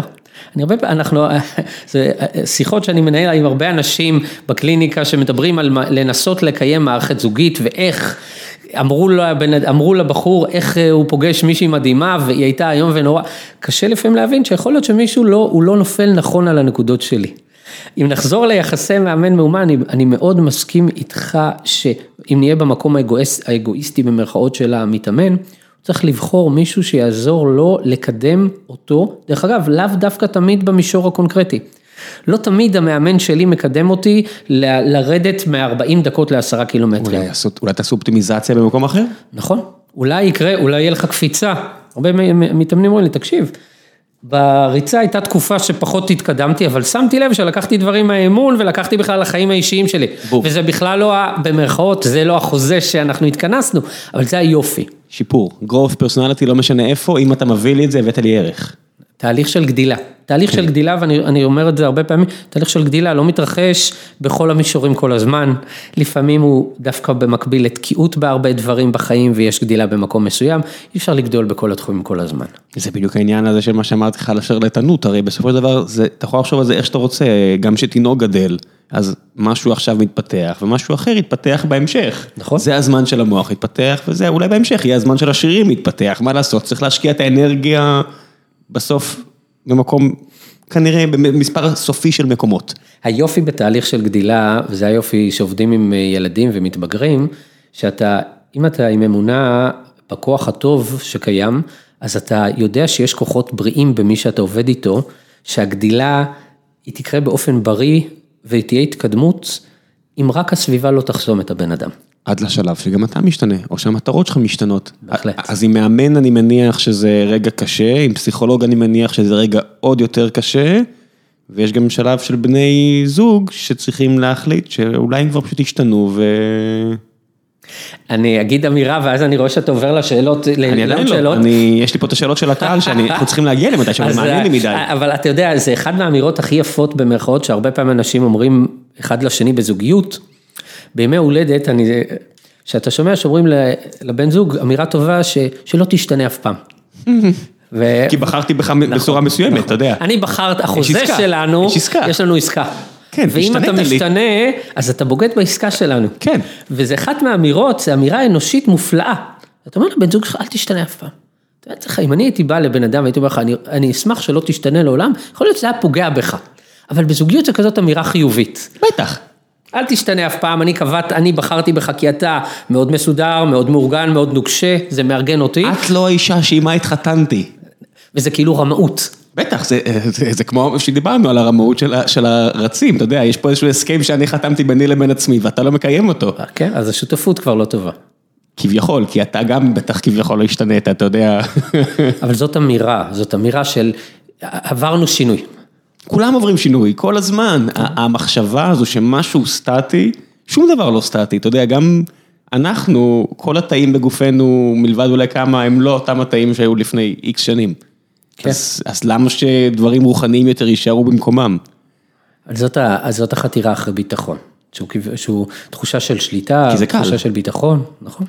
אתה, יודע, כשפתחתי את הפרק, אמרתי איך מחזקים את השריר בין האוזניים, אז הוויתור הזה של על ביטחון מוחלט ולהתמודד עם מה שמגיע, זה, זה חלק מהדברים ב... אני חושב שחלק ניכר, אני התחלתי בהתחלה בלדבר על המרוץ שלי בדרום אפריקה, שיש לי בדצמבר, אני בחרתי בו, אה, הרבה אנשים שאלו אותי אחרי שעשיתי את ה-5,000 קילומטר, אמרו לי, אוקיי, אז מה היעד הבא שלך? ויש לי הרבה יעדים באים. בריצה. אבל, בר, בריצה, אבל אני, אני, יש גם הקבלות של דברים שאני עושה בחיים. אה, כן, ואני כששואלים אותך מה היעד הבא, אני מניח שהם מתייחסים ל- לריצה. כי היעד של הריצה הוא יעד, הוא יעד שהוא הרבה יותר קל במרכאות לצפייה, ובגלל שאני גם פורץ גבולות, אז יש הרגשה של מעניין מה תהיה הפריצה הבאה. ואני בח- בחרתי וביקשתי שייצרו לי את היעד הזה, הוא נוצר די בבקשה שלי, יעד של 20 יום בדרום אפריקה בדצמבר, כשאנחנו מדמיינים בדצמבר, אנחנו מדמיינים תקופה קרירה ונעימה, בדרום אפריקה זה השיא של החום והגשם. אז אני נוסע ליעד שהוא יעד מאוד מורכב לי, כי התמודדות עם לחות, שהיא תוצר כמובן גם של חום וגם של גשם, זה משהו שמאוד מקשה עליי, והיעד הזה הולך להיות 20 יום, מאוד מזכירים את ניו יורק, אבל במרוץ קלאסי, שאני צריך להתמודד עם העובדה של חום, של לחות, ואיך זה משפיע עליי, שאני יודע שברמה נפשית, זה המקומות הכי מורכבים לנוע בהם. הכי מורכבים לנוע בהם, כי הגוף בתנאי, כמו של לרוץ בתל אביב, היום בשתיים בצהריים, לא יפיק את המרב בך, זה אבסולוטי? זאת אומרת, אה, לא יודע מה, רץ סקנדינבי ורץ אה, ממזרח- ממזרח אפריקה, בהכרח המקומות האופטימליים יהיו זהים עבור שניהם? לאו דווקא, אבל לחות וחום זה תנאים שמאוד קשה להתאקלם להם, אם בכלל. זה, זה, וזה, וזה כבר אובייקטיבי? אני אומר אמירה מוחלטת, כן. אובייקטיבי. כן, הנושא, אתה יכול להסתגל. זה נכון שאם אני אקח אותך למדבר ואני אכשיר אותך לרוץ במדבר לאורך זמן, אתה תדע יותר, הגוף שלך ידע יותר לפעול בתנאים כאלה. אבל אם אני אבל אקח הגוף אותך- שלך, לא, זה לא שיש שיפור ביכולות שלך מאשר אם אני אביא אותך לתנאים אופטימליים של לרוץ ב-16 מעלות. עם אפס לחות. נכון, אין מה להשוות. וכשאני הולך לתנאים האלה, אז אני הולך לתנאים שאני יודע שזה יהיה להתמודד עם הגוף שהוא לא במיטבו. זאת אומרת, אובייקטיבית אתה מקשה על עצמך, בוחר יעד שלא רק שהוא, אתה בוחר קושי שהוא לא אובייקטיבי, הרי אה, טמפרטורה לחוץ זה, זה, זה קושי שהוא לא 0-1, זאת אומרת אם אתה מגיע למקום שהוא אופטימ, אה, אופטימלי מזג אוויר לחוץ, ואז רק מספר קילומטרים, קל, זה מספר. אתה בוחר קושי שהוא קושי לא מדיד. כאן זה, הבחירה שלי הייתה בבחירה בתנאים הכי לא אופטימליים. זאת אומרת, כמה הכי הרבה קילומטרים בתנאים אה, הלא אופטימליים האלה אני אוכל לתפקד, זה יכול להקנות לי הרבה מאוד אם אני אחזור אי פעם לניו יורק, לראות איך הגוף שלי מתמודד. ניו יורק באיזה חודש זה? ניו יורק זה ביולי בתנאים של ארצות הברית. התנאים של ארצות הברית של יולי, יולי ניו יורק זה נורא ואיום. אני חייב להגיד לך. התנאים הנורא והיום של ניו יורק הם התנאים שיהיו לי עכשיו בדרום אפריקה. זה אותם- זה אותו דבר, נכון? אותו דבר בול, זה מה שיהיה, אולי כן. טיפה יותר חם בדרום אפריקה. אולי, כן? כי יולי בניו יורק באמת חם. אני יודע, אני רצתי שם לא, חודשיים. אני אומר, אני, אני, אני מדגיש את זה למי שלא רץ שם חודשיים רצוף, אני אומר, זה, זה לא כזה שונה ממה שיש פה ביולי. נכון, נכון. התנאים שם הם, אה, חוץ מהעובדה שיש שם גשם. נכון, אין לנו גשם פה. בניו יורק יש לך גשם. אני מזכיר לך שבניו יורק בקיץ יש לך גשם.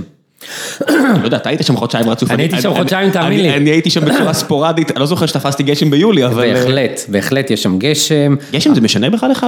ברור, כי הגשם, קודם כל זה משנה לך את הלחות שיורד גשם, מעבר לזה שגשם משפיע על הביגוד שלך, גשם יוצר מגו... אוסף נחמד מאוד של בעיות ברגליים, משפשפות ועד לבעיות של שלפוחיות. גשם זה לא אופטימלי לניהול מרוץ שהוא מרוץ מתמשך. מרוץ שהוא קצר, שאתה רץ בכיף ואין רוח ויש גשם ואתה מרגיש כזה חביב וסבבה. אני מאוד אוהב את זה, כן. ברור. חובבן מת על זה. לך תנהל מרוץ ש, שפתאום יש לך גשם של 6-7 שעות ואתה, ואתה צריך לרוץ, אתה לא יכול לא לרוץ, אתה בהתחלה מנסה לעקוף את השלוליות, אחרי זה אתה אומר, אוקיי, בוא נהיה כנים, אני כבר אה, מתמזג עם השלוליות, זה לא תנאים אופטימליים. בתנאים אופטימליים, לא סתם אנשים נרשמים לכל המרתוני סתיו באירופה, כי הם רוצים לרוץ ב-14-16 מעלות. בטח, ברלין, פריז, כיף גדול, מה אתה רוצה? פריס זה כבר יכול ליפול, ליפול על משהו לא נכון, נעים, על אבל חורף. ברלין ואמסטרדם מרוצים שאנשים מאוד אוהבים, כי אומרים, איזה יופי, לא נותנים אופטימליים, מה שמפספסים זה את מתי הם יצטרכו להתאמן בשביל התענוג הזה. בשביל להתאמן לתענוג ששם, אתה צריך לרוץ פה את כל הקיץ, באימונים שלך, נכון? אם אני עושה, אם אני עושה מרתון בספטמבר, בברלין, אני צריך להתאמן בארץ כל חודשי הקיץ שלנו. תגיד, רציתי לשאול אותך משהו, אני לא יודע אם אתה יכול לענות על זה, או, או רק ת, אולי תקרוץ לי אם כן ולא. אה, יש חבר'ה, אה, יחידות העילית בארץ פנו אליך? אני בקשר, אה, א', אני נתתי הרצאות בכמה יחידות. עזוב, עזוב הרצאות, אני מדבר, הרי אני חושב על התקופה, לא יודע, לפני 15 שנה שאני אה, שירתי, ו, ואת היחידה ליד, את הסיירת, אימן מישהו, לא יודע, אבי מויאל, אני מסתכל, אני אומר, מה שאבי מויאל העביר להם, אני מסתכל מה שאתה יכול להעביר להם, זה שני דברים שונים, ויש הרבה ערך למה שאתה מעביר, והוא נורא תואם לעולם הזה. הוא נורא נורא נורא נורא תואם לסט של האתגרים, שיש איזה שלוש-ארבע יחידות בארץ שצריכות להתמודד, הלוחמים שלה צריכים להתמודד. איך אנשים, איך לא באים אליך? זאת אומרת, זה בול. אז קודם כל אני עובד עם, עם, אה, עם קבוצה שמכינה מתבגרים לצבא. עזוב את אחריי. אני, אני מעריך את אחריי והכל, אבל אני אומר, יש אנשים שהם כבר שם, והם צריכים עכשיו להיות אופטימליים לתפקיד שהוא סופר קריטי. איך לא באים אליך? אני משער שמי שעושה את זה בדרך כלל זה בוגרי יחידה. שבכל יחידה, מי שמכין את הבוגרים זה בוגרי היחידה.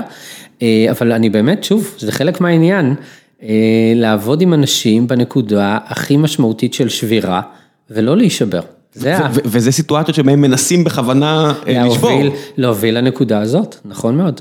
זה, זה בדיוק, זה בדיוק מה שאני אומר על הבחירה ביעד הבא שלי למשל, שזה לקחת למקום שאתה יודע שהגוף הכי לא יאהב, ועכשיו בוא תתמודד. אם יש פה איזה סגן אלוף, או אלוף משנה בחלק מהיחידות האלה ששומע את הפרק הזה, עכשיו תתבייש לך שלא פנית עדיין לקובי. באמת, אני אומר, אני אומר, זה, זה... העולם פתוח, ואני כל הזמן אה, מופתע מהדברים שאני מגיע אליהם, אני משער שגם זה יקרה.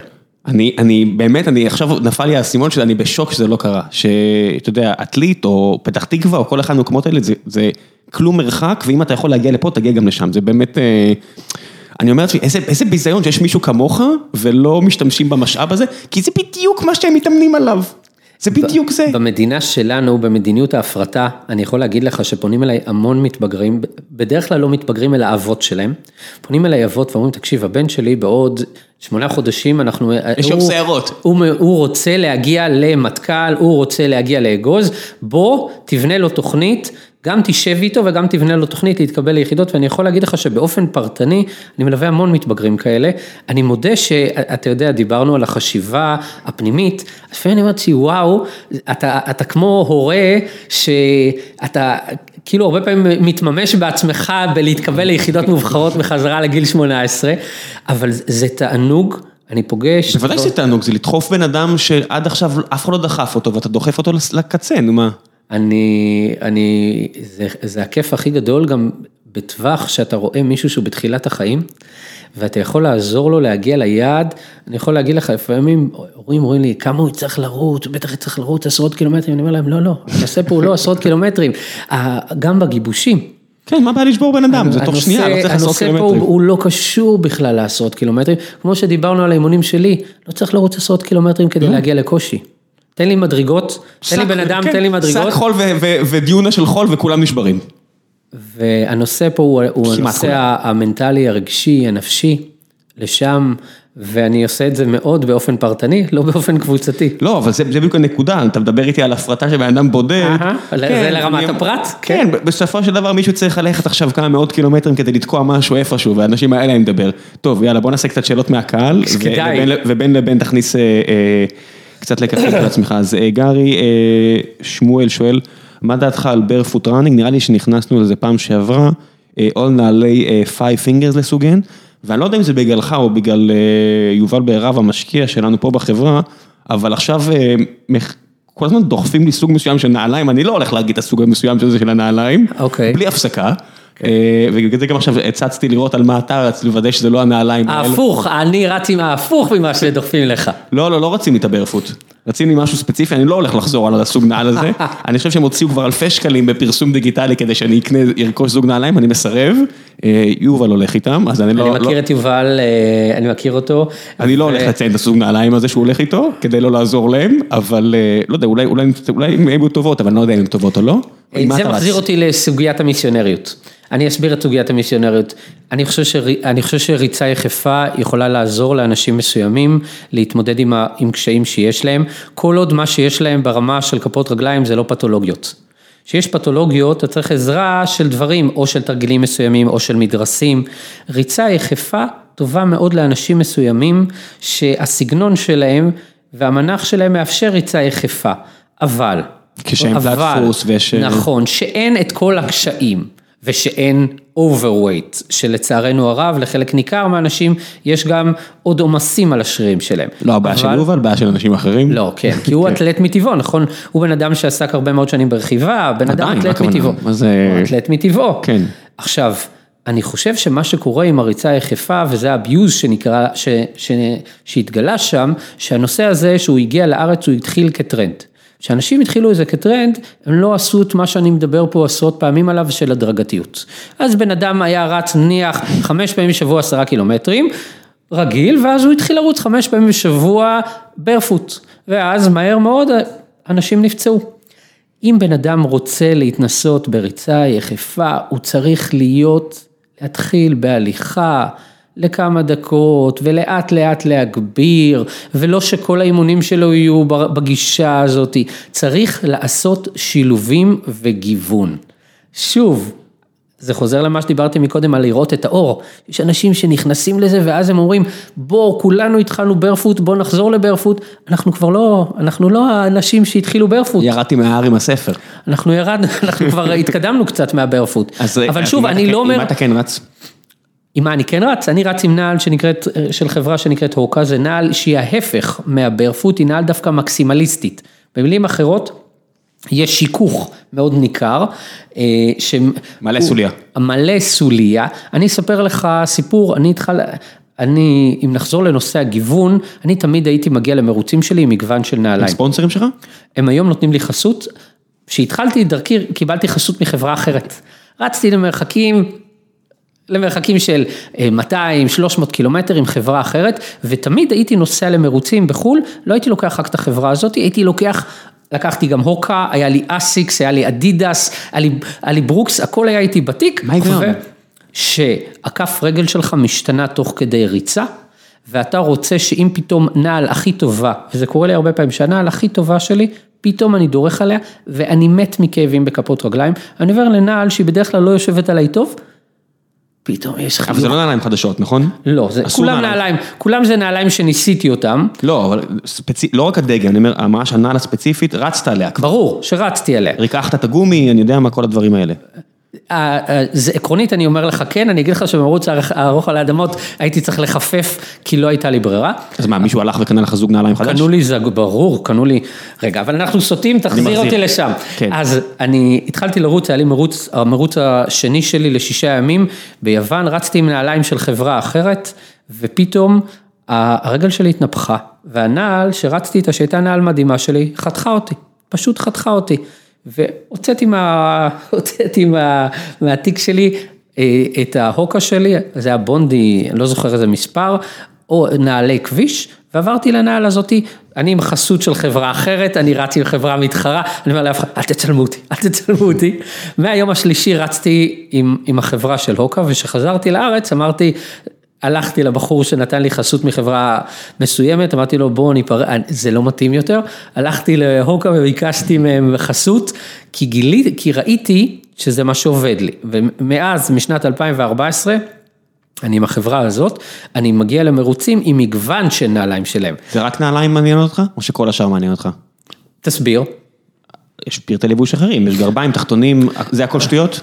תראה, גרביים זה פריט לבוש מאוד משמעותי, כי גרב לא נכונה, שיושבת לא נכון, גורמת לך שפע של שלפוחיות, כבר לא מדבר על ציפורניים שאנשים מאבדים על ימין ועל שמאל. אני חושב שהליבה זה נעליים, מדרסים אם בן אדם צריך, וגרביים. רגע, גרביים השאר- משנה? אז גרביים, זה- כולם מייצרים גרביים טובות או ש... אה, כולה, אני, תראה, אני אגיד? בגילוי, כן. אני גילוי בגילוי, אגיד בגילוי נאות שלאורך השנים אני בדקתי הרבה סוגים של גרביים, בחרתי בחברה שנקראת פיצ'רס, שמה שאני אוהב בהם זה שלא רואים את התפרים. התפרים בשלבים ראשונים של ריצה, אתה רץ חמישה קילומטרים, עשרה קילומטרים, אתה לא, לא יהיה לך בלאגנים. ככל שאתה תעבור את, היום, את הזמן, אם יש תפרים בגרב, אתה תתחיל לחוות שלפוחיות, ושלפוחיות זה באסה. זה, זה בא, אני יודע איך לטפל בשלפוחיות, אבל כל פעם שאתה צריך להתחיל להוריד, קודם כל לעצור במהלך מרוץ, ואחרי זה להניע מחדש זה סבל טהור. אתה מעביר מחט כמו- פעם? אה, אני גם מעביר מחט, אני גם משתמש בסוג של אה, פלסטר שאני גיליתי ב-2016 בארצות הברית, שהוא נקרא Second Skin, שהוא מתלבש לך על השלפוחית עם תחבושת, והוא הופך להיות אור בפני עצמו, בלי הניקוז? בלי הניקוז. אתה שם אותו, הוא מתלבש לך ומחליף לך. פשוט מחליף לך את האור, כי הרבה פעמים כשאתה מנקז, נשאר, אנחנו מדברים על דברים, מה זה מגעילים? לא, לא, לא, לא, לא, מי שמאזין עד עכשיו, הרבה מהאנשים רוצים פה ערך אמיתי. אה, ערך קונקרטי. יש אולי אותם סגני אלופים, אלופי משנה בחלק מהיחידות שאומרים לעצמם איך אני עוזר לחבר'ה שיוצאים לשטח. השלפוחיות שאנחנו מנקזים אותם, הרי כשאתה מנקז שלפוחית נשאר לך אור שהוא מאוד עדין ורך. והקלאסי שאם אתה חייב להמשיך לרוץ, ואתה חייב להמשיך לרוץ, דרך אגב זה באמת נורא נכון לחיילים. כי אתה לא יכול, אוקיי, הייתה לי שלפוחית טוב, תנו לי יומיים אה, לרגל להתאושש. אני לא יכול במרוץ. במסלול, בטח שבשטח. בטח שבשטח, וכשאני רץ אני בשטח, עכשיו ניקזתי, אתה הולך לשים גרב ואתה הולך לרוץ. אז נניח שניקזתי ויש לי פה אור ואני ארוץ, זה ייעלם ויהיה לי פה מעין כוויות, יהיה לי סבל גדול, לא שלפוחית, אבל כשאתה שם את ה second skin, אז הוא נספג לך בכף רגל ואתה רץ בלי להרגיש את השלפוחיות. ואז, מתי שאתה צריך להוריד את. זה. לא, הוא פשוט מתמזג. מה? מתמזג באור. אתה לא מוריד אותו אף פעם? תראה, מה זה לא, אני בסוף, אני... לא, יש יש שאריות שיורדות במקלחת? מה, איך זה עובד? זה, זה לא הבעיה, הוא פשוט מתמזג באור, זה ממש לא ה issue. אה, זה ממש כמו החומרים האלה של הדבקה של צלקות? של- ממש. כך, זה לא כמו פלסטר, זה עולה לא במחירים של פלסטר, אתה קונה את זה, הם התחילו בטיפול, במקור זה התחיל בטיפולים של יחידות כוויות. וזה מוצר שנכנס עכשיו, הוא מוצר מאוד לא מוכר, א' הוא עולה הרבה כסף, הוא לא מוכר ולא יודעים איך להשתמש בו. הנושא של טיפול בכפות רגליים הוא נושא מאוד מפוספס, כי מה שאתה נתת את הטקטיקה הרווחת, יש לך שלפוחית, קח אה, מחט, תעביר, תשאיר את החוט כדי שינקז. לא, זה השטויות של פעם, נו, אני יודע. זה פתרונות חלקיים. שאתה צריך להמשיך לעבוד, זה, ויש לך שלפוחית משמעותית, והרבה פעמים יש לך שלפוחית שמתחתה כבר יש שלפוחיות, אוסף של, אה, זה דברים שלצערי הרב אני למדתי על הגוף שלי במחירים מטורפים. זאת אומרת, אם אתה תראה אותי יוצא עכשיו למרוץ, אני יוצא עם ארגז תרופות וארגז שמלא בכל מיני סוגים של מחטים וטיפולים לכפות רגליים, כי אני צריך להיות גם החולה האנגלי וגם הרופא שמטפל בחולה האנגלי. אה, רגע, אני עולה עכשיו למעלה, לפני ממשיך בשאלות, אני עולה למעלה בגוף, אז אמרנו אה, תחתונים, ברכיים, קרסוליים, יש לך דברים שאתה שם עליהם? אני משתמש בתחבושית, בתחבושת שמפעילה לחץ על השוקית, זה בגלל פתולוגיה שלי, יש ברגל, זה לא משהו שרץ סטנדרטי, צריך לעשות אותו. שברי מאמץ שחוזרים? לא, ממש לא, פשוט יש לי חולשה באחת, בברך אה, ימין, שאם אני לא מפעיל לחץ נכון, אז מתחיל לי כאבים בברכיים, אבל זה לא משהו שרץ. לא עברת ניתוחים עדיין. יש משפטים שלא אומרים לעולם לרץ, בסדר, זה, אוקיי, זה משפט גדול. אני אחתוך את זה מהשידור. תוריד, תוריד את זה בעריכה. אני לא אוריד, אבל אתה יודע, אני אומר שאני אוריד, נו. אה, אני שוב פעם, אני חושב שמה שרץ צריך זה נעליים שטובות לו. אוקיי? הרבה פעמים רצים פונים אליי ואומרים לי, תגיד לי מה הנעל האולטימטיבית. ואז הם נורא מתאכזבים שאני אומר, הנעל שלא עושה לך בעיות ברגליים, היא הנעל האולטימטיבית. אין נעל אולטימטיבית. אני אומר את זה באופן גורף, אני אומר את זה כי אני גם כי אני מקבל חסות בחברת נעליים, שאני יודע שהיא מעולה, אבל היא מעולה לחלק מהאנשים. מה יכול יותר, יותר חסות מלהגיד אני רץ איתם? אני רץ איתם ורואים אותי רץ איתם, כן. אבל היא הנעל שמתאימה לי ולהרבה אנשים, יש אנשים שלא לא תתאים להם. לא היית רץ איתם. אם לא הייתי, אני משתמש רק בדברים שעובדים. כן. לא, זה, זה, זה ש, שאני שם חסות פה, אז אפשר לחשוד בי שאני לא באמת אוהב את המוצרים שאני מדבר עליהם. עם כל הכבוד ש, ששחקן טניס מהרמה הכי גבוהה, או אצן, רץ עם נעל מסוימת, או שחקן, אתה יודע, שחקן כדורסל, בוא נגיד, אני אשים גבולות, כי הסכומים כאלה גבוהים, אבל שספורט יחידנים עושה את זה, חס וחלילה שהוא לא באמת מאמין במוצר, זה ה... אם אני, אם אני, אני יכול להגיד לך, לאורך השנים, אה, הציעו לי חסויות מהרבה חברות. אני תמיד אמרתי לאנשים, קודם כל אני אקנה ממך את המוצר שלך, אני אתנסה, אם זה עובד, אני אלך על זה. מה זה לקנות? תשלח לי בחינם אם אתה רוצה שאני... לא, באמת אני אומר, מה... לא, אני מדבר, אני כבר הרבה שנים לא מחליף חסויות, כי אני אני שומר על נאמנות למוצרים שעושים לי טוב. מה, אם לא, זה עושה לא לי טוב... לא יכול להיות שלא יודע מה, נייקי אה, או, לא, או אדידס יפתחו מוצר שבאמת מסוגל להתחרות באוקה? אה, תראה, אני אגלה לך משהו שאני, כשהתחלתי לרוץ, המותג הזה של הוקה למשל בריצה רב יומית, כמעט לא ראיתי אותו. היום שאני במרוצים ברחבי העולם, זה אתה אשם. אז אני מסתכל מסביבי. אני אומר, אה, טוב, ההוא עם הקליפטון, וההוא עם הבונדי, וההוא, זאת אומרת, אני רואה שבתכלס, כנראה שלא רק אני גיליתי את זה, ואני רואה מה אנשים אחרים משתמשים. יש דברים שאתה אומר, אתה, יש, יש סוגי נעליים שאני כמעט לא רואה במרוצים. כן. עכשיו השאלה אם אני אראה את זה בטיילת בתל אביב, זה היה מבחן. אני חושב שהדבר המרכזי, שוב, אני חוזר לומר לא לך, לא. לא כמיסיונר, כן. אתה צריך למצוא את הנעל שתעשה הכי טוב לכפות רגליים שלך. יש אנשים שרואים אותי אה, מוקדם בבוקר, שאני עושה את ההליכות שלי עם הילד והכלבים, ומסמנים לי שעכשיו הם מאזינים, אני לא פוסל שהם יסמנו לי, אני רץ עכשיו עם הנעליים של הבחור. בוא נראה. יהיה להם רווח גדול. אני מחכה. אוקיי, אז אביחי אלמה שואל, אה, כשרצים בשולי הכביש, באיזה צד כדאי לרוץ, נגד כיוון התנועה של הרכבים או בכיוון התנועה? שאלות פרקטיות. שאלות מאוד פרקטיות, והואיל ואני במקצועי גם פסיכולוג, אז אני נגד אה, אובדנות. אם אתה רץ על כביש, זה לא משנה על איזה צד אתה רץ, אתה בן אדם אה, שצריך לשקול את הנושא הזה, לא רצים על כביש, נקודה, אני לעולם לא רץ על כביש. לא, אמר בשולי הכביש. לא רצים, לא רצים על כביש. אה, למי ששוכח, רוכבי אופניים נדרסים על ימין ועל שמאל והם בשולי הכביש. בואו לא נחיה בסרט שזה שאנחנו רצים, יש לנו חסינות. אני, אם אתה, תראה, אני לפעמים חוצה כביש כי אין לי ברירה, כי יש דרך חסומה ואני חייב לעלות על כביש. זה יקרה באופן נדיר. מי שרץ על כביש באותה מידה יש לו עשר מטר לימין או עשר מטר לשמאל, דרך כורכר שהיא צמודה לכביש, לא רצים על כביש. אתה יודע, אני לפעמים, אני לפעמים חוזר, אני רץ עם, רץ באיזשהו מקום וחוזר, ורואה אנשים רצים על כביש, ואני אומרת תגידו, אתם, אתם מבינים? על רוכבי אופניים, אנחנו כל הזמן שומעים שהם נהרגים.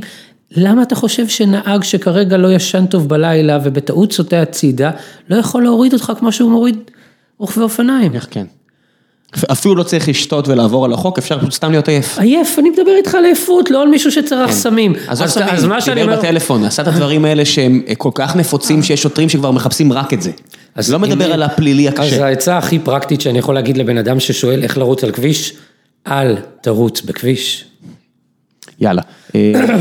אה, נורית אה, חורק שואלת, אשמח לשמוע מקובי על אה, כוח רצון ועמידות ואיך מיישמים אותם גם בדברים אחרים בחיים ולא בהכרח בספורט. מחזיר אותי לנושא, הראשון שדיברנו. הטרי, הטריקים, מה הבעיה לפתח זה? תגיד לי איך עושים. הכוח, תראה, זאת שאלה שאפשר לדבר עליה 60 שעות ולא לכסות אותה. אני, אני חושב שכוח רצון מפתחים שמתמודדים עם משהו שהוא לא נעים. אי אפשר לפתח כוח רצון ולכפות על עצמך חיים או מספר דברים לא נעימים במקביל. אני חושב שהספורט הוא דרך מאוד טובה לפתח כוח רצון, כי מאוד קל למקד את הקושי שלך. אם מישהו היה שואל אותי, קובי, איך אני יכול לפתח כוח רצון, אני הייתי אומר לו, תנסה במהלך היום להתמודד עם משהו שהוא לא פשוט לך. משהו אבל שהוא ישים. אל תייצר לעצמך חוויה, אם מישהו יגיד לעצמו, אוקיי, אני אקח אותך למקומות הכי בסיסיים שיש, מישהו יגיד, אני רוצה לנקות את הבית פעם בשבוע, להשקיע בזה כמה שעות וזה לא הולך לי, הייתי אומר לו, בוא תנסה פינה בבית לנקות חמש דקות. כוח רצון זה במקום שבו אתה מתמודד עם משהו שלא נעים לך ויש לך חוויה של הצלחה.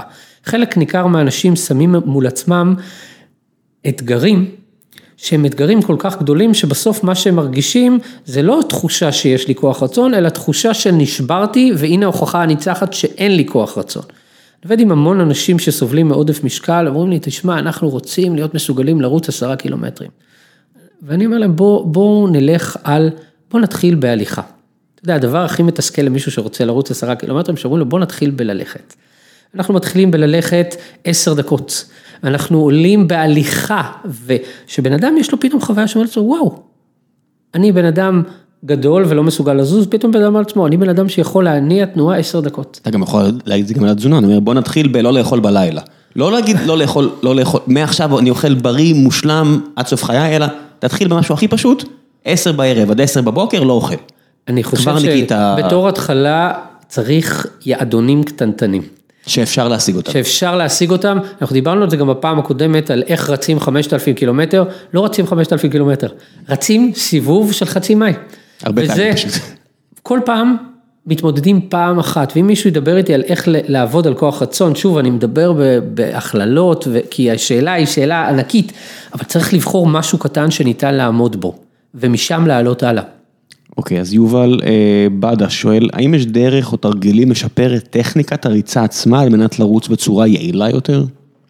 קודם כל, אני, קודם כל אפשר ללכת ולרוץ עם, עם מאמן שיבוא ויראה איך אתה רץ, ואם אתה רץ בצורה יעילה או לא יעילה.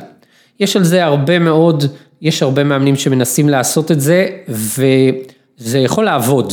אני רוצה לומר משהו אבל, עם סייג של, של עבודה של, עם אנשים לאורך שנים.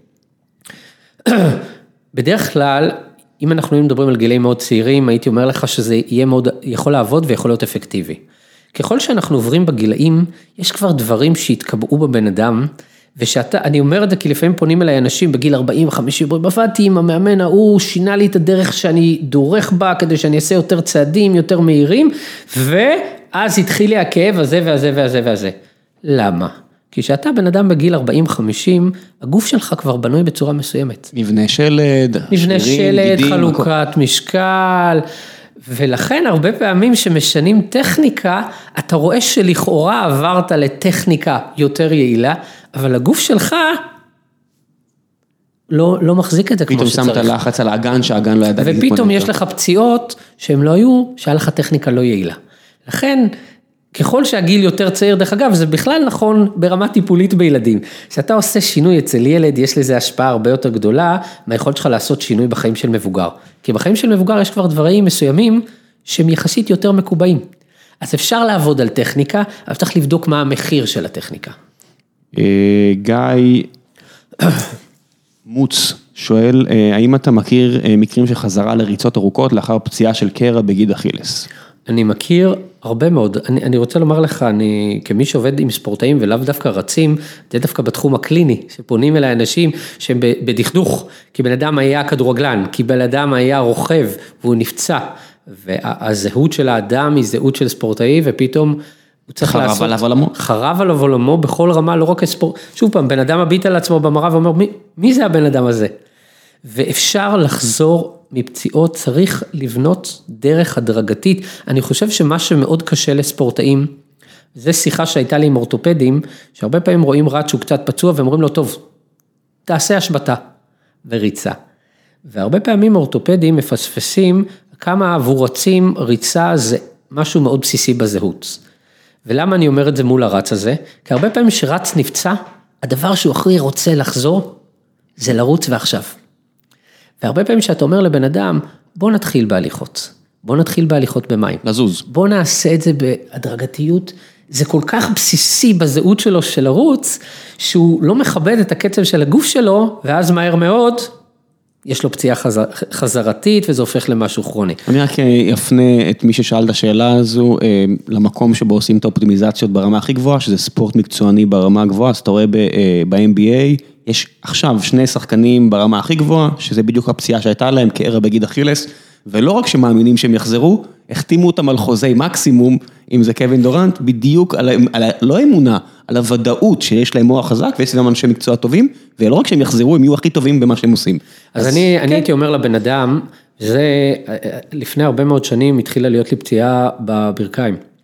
ואני הלכתי למספר אורתופדים, כל אחד היה עם הגוונים של או שימוש בכל מיני חומרים, או ניתוחים, או השבתה. ובסוף, אני זוכר שחבר אמר לי, תקשיב, למה שלא תלך לפיזיותרפיסט שעובד עם ספורטאים? מישהו שעובד עם כדורגלנים, הם לא יכולים להיות מושבתים. הלכתי לפיזיותרפיסט שעובד, הלכתי לפיזיותרפיסט של מכבי חיפה, הוא הסתכל על ה... במרכאות על מה שהיה לי ואמר לי, תקשיב, תשים את החבק הזה מתחת לברך, נתן לי כמה תרגילים. אני הייתי אמור להיות מושבת, השנה הייתה לדעתי 2010 או 2009, ואני לא מושבת מ-2010 ו-2009, פשוט לימד אותי תרגילים. ואם אנחנו מדברים על הבחור הזה ש... שהוא אה, מדבר על איך מתאוששים, תפנה לאיש מקצוע, תלך לפיזיותרפיסט, שילמד אותך תרגילים, כן. פיזיותרפיסט שילמד אותך תרגילים איטיים, אבל שישקמו אותך. לא למאמן ריצה, לא למישהו, כי הטייטל של מאמן ריצה הוא טייטל של מישהו שיחזיר אותך לרוץ, ואני חושב שהנושא המרכזי בתור התחלה, זה שיקום. כן. שיקום. אמ, שואלים פה קצת על אוכל, אבל דיברת על זה. אה, שואלים גם, אה, גם גור שואל, אה, האם אתה משקיע בחימום לפני הריצה, מתיחות כלשהן, או שמיד מתחיל לרוץ? האם אתה עושה שחרור לאחר הריצה? ובאופן כללי, מה אתה חושב על הנושאים האלה של אקטים של לפני ואחרי ריצה? תראה, קודם כל, כמי שאוהב לקרוא מחקרים, אז אני רוצה לומר שאני קורא מחקרים שסותרים את היעילות גם של לפני וגם את האחרי. יש מחקרים שמראים שזה משמעותי ויש מחקרים שמראים שאין לזה שום משמעות. אני לאורך כל השנים שאני רץ בהם, לא עשיתי לא חימום ולא שחרור. ועכשיו תן לי לסתור את עצמי, כי, במה, כי במרוצים הארוכים של העשרה ימים, במרוץ שלי בניו יורק של העשרה ימים, אחרי כמה ימים אני נתפסתי. לא עשיתי חימום, לא עשיתי שיעור, נתפסתי, לא השתמשתי מעולם בעיסוי ספורטיבי. בעשרה ימים בניו יורק הייתי במצב, הייתי צריך להשיג מכסה מסוימת כדי לקבל תנאי כניסה למרוץ הארוך על האדמות, הייתי תפוס ברמה כזאת שלא הייתי מסוגל ללכת. נכנסתי לאוהל הרפואי, הבחור אמר לי בוא אני אעשה אותך. במהלך מרוץ, דיברת מקודם על לא לרוץ עם נעליים חדשות, כי זה להתנסות במשהו חדש, אני במהלך מרוץ הולך להתנסות בתהליך רפואי חדש, והייתי חייב לעשות זינוק של אמונה. אמרתי למעשה, תקשיב, אני סומך עליך. פירק לי את הצורה. היו רגעים שהוא יישא אותי, שייחלתי לזה כיף, ש... כיף, כיף איזי רציני. עובר לך בראש המחשבה שהוא פוגע בך? לא. אבל אני בשלב שם פשוט לא הסתכלתי מה הוא עושה, כי הוא אמר לי, השרירים שלך כל כך דפוסים, הוא לא יכל לעבוד עם הידיים, הוא השתמש בכל מיני כלי עץ כדי לעבור על הגוף שלי. כדי לשחרר חומצות חלב שפשוט ישבו לך על השריר. ומאותו יום, כל יום במהלך המרוץ של העשרה ימים הלכתי פעמיים ביום לאותו מעשה. אני שברתי באותה שנה את שיא העולם לריצה של עשרה ימים, אותו מעשה הגיע למרוץ שלי הארוך על האדמות, וכל ערב הוא פירק לי את הצורה. כן, גם בפורמולה 1, אתה יודע, הקרדיט הולך לצוות מכונאים ולנהג. אני חושב שאם לא היה לי את האנשים הטובים לאורך הדרך בחלק ניכר מהמרוצים שלי, לא הייתי פה. אריאל פרידמן שואל, מה אתה ממליץ למי שרק רוצה לשמור על כושר ולא להתחרות?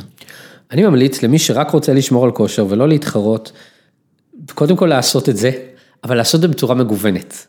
הוא צריך לזכור שאם הוא אוהב לרוץ, אפילו אם הוא אוהב לרוץ בפארק, חמש פעמים בשבוע שעה, אם הוא יעשה רק את זה, הגוף שלו יסתגל למאמץ הזה, ואז הכושר שלו לאורך זמן ירד. אז מה שאני אומר לו... חולים יעילים. נכון, זה היופי בגוף הביולוגי. הגוף שלנו מסתגל ולומד איך לעשות את אותו דבר רק בפחות אנרגיה. אז מה שאני ממליץ לו, שוב אם ניקח את המודל של חמש פעמים בשבוע שהוא רץ שעה, אני ממליץ לו פעם אחת לרוץ את זה בפארק, ופעם אחת לרוץ את זה בים. ופעם אחת לעשות את השעה, לא לעשות אפילו שעה, לעשות 45 דקות ולעלות עלייה ולרדת אותה. ופעם אחת לא לעשות אפילו שעה, אלא לעשות חצי שעה ולעלות מדרגות. לגוון, הגוף שלנו זקוק לגיוון, אחרת אנחנו עושים את אותו דבר ומתנוונים. כי הוא נהיה יעיל, אה, קללה ו- וברכה. נכון. אה, יש פה כל מיני שאלות שהתייחסנו אליהן. אה, יש פה שאלה שנראית לי קצת טריוויאלית, אבל אני בכל זאת לא... אה, שום אה, דבר לא טריוויאלי. בדיוק מה שאני אומר. אז שלום אה, ווליך שואל, האם רצים תחרותיים ובכלל מתחרים ברמות הגבוהות ביותר, הם קצת על הספקטרום במרכאות, האם הפסיכולוגיה שלהם שונה מהאדם הממוצע?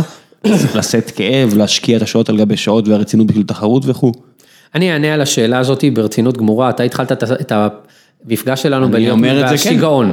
כן. אני לא משתמש במילים האלה, אני חושב שכל דבר שבן אדם רוצה להצטיין בו ולבלוט בו ברמה עולמית, הוא צריך לעשות אותו עם מחויבות.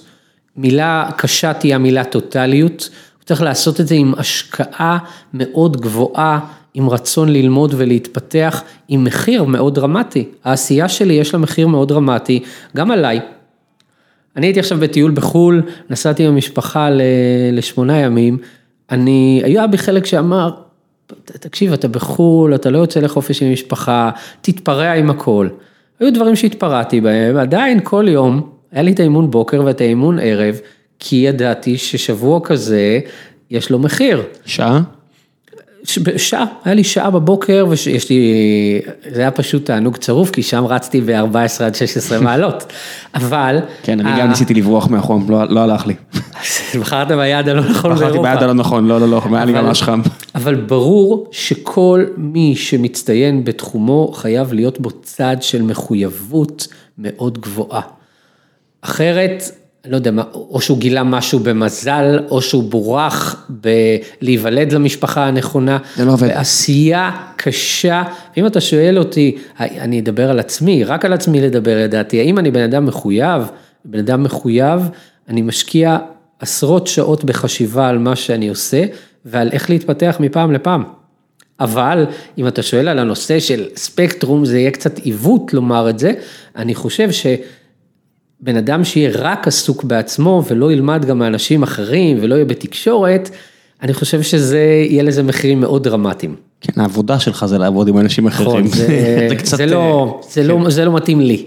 אה, לא, זה היה, זה היה כנראה די, די מחרבש לך את הדיי ג'וב. אה, רז פלג שואל, אני יודע שקובי רץ הרבה עם טכנולוגיה עליו, אה, תכף תגיד אם זה נכון או לא, כמה להערכתו נתון ה-VO2 Max שמציגים שעונים כמו גרמין מייצגים את המציאות, בנוסף אשמח לקווי הנחיה כלליים כיצד לשפר את הנתון הזה. וואו, תשמע, אני לא רוצה להיכנס לזה, כי אני לא אוהב את הנושא, הטכ... אני אגיד משהו שישמע סותר, אני ממש לא אוהב את הנושא הטכנולוגי ואני אסביר את עצמי, בלי לסתור. אני שומע על המון מאמנים שעובדים על הנושא של דופק. על דופק מטרה ועל קצבים של עבודה שבהם הגוף הוא יותר יעיל ופחות יעיל. זה מחזיר אותי למה שדיברתי עליו בהתחלה, על המיסוך. אני נגד מיסוכים. אני משתמש בשעון, אני לא משתמש בגרמין, אני משתמש בסונטו, אבל זה לא משנה. הנושא המרכזי של ההתנהלות של השעון שלי, הוא בדיעבד עבורי הרבה פעמים לראות האם תפקדתי כמו שאני חושב שאני מתפקד. דיברתי על זה שאני עושה אימון צהריים ואני אמרתי וואי אני רץ נורא מהר, אני מגיע הביתה, זה היה שבע וחצי, קצב זוועה. קצב זוועה אבל זה הראה לי על איך העומס השפיע עליי. אני חושב שיש משהו בנקודת זמן שבה אנחנו עומדים טכנולוגית, שהרבה פעמים אנשים עסוקים בטפל. אנשים עסוקים כל כך בשיפור של מדדים.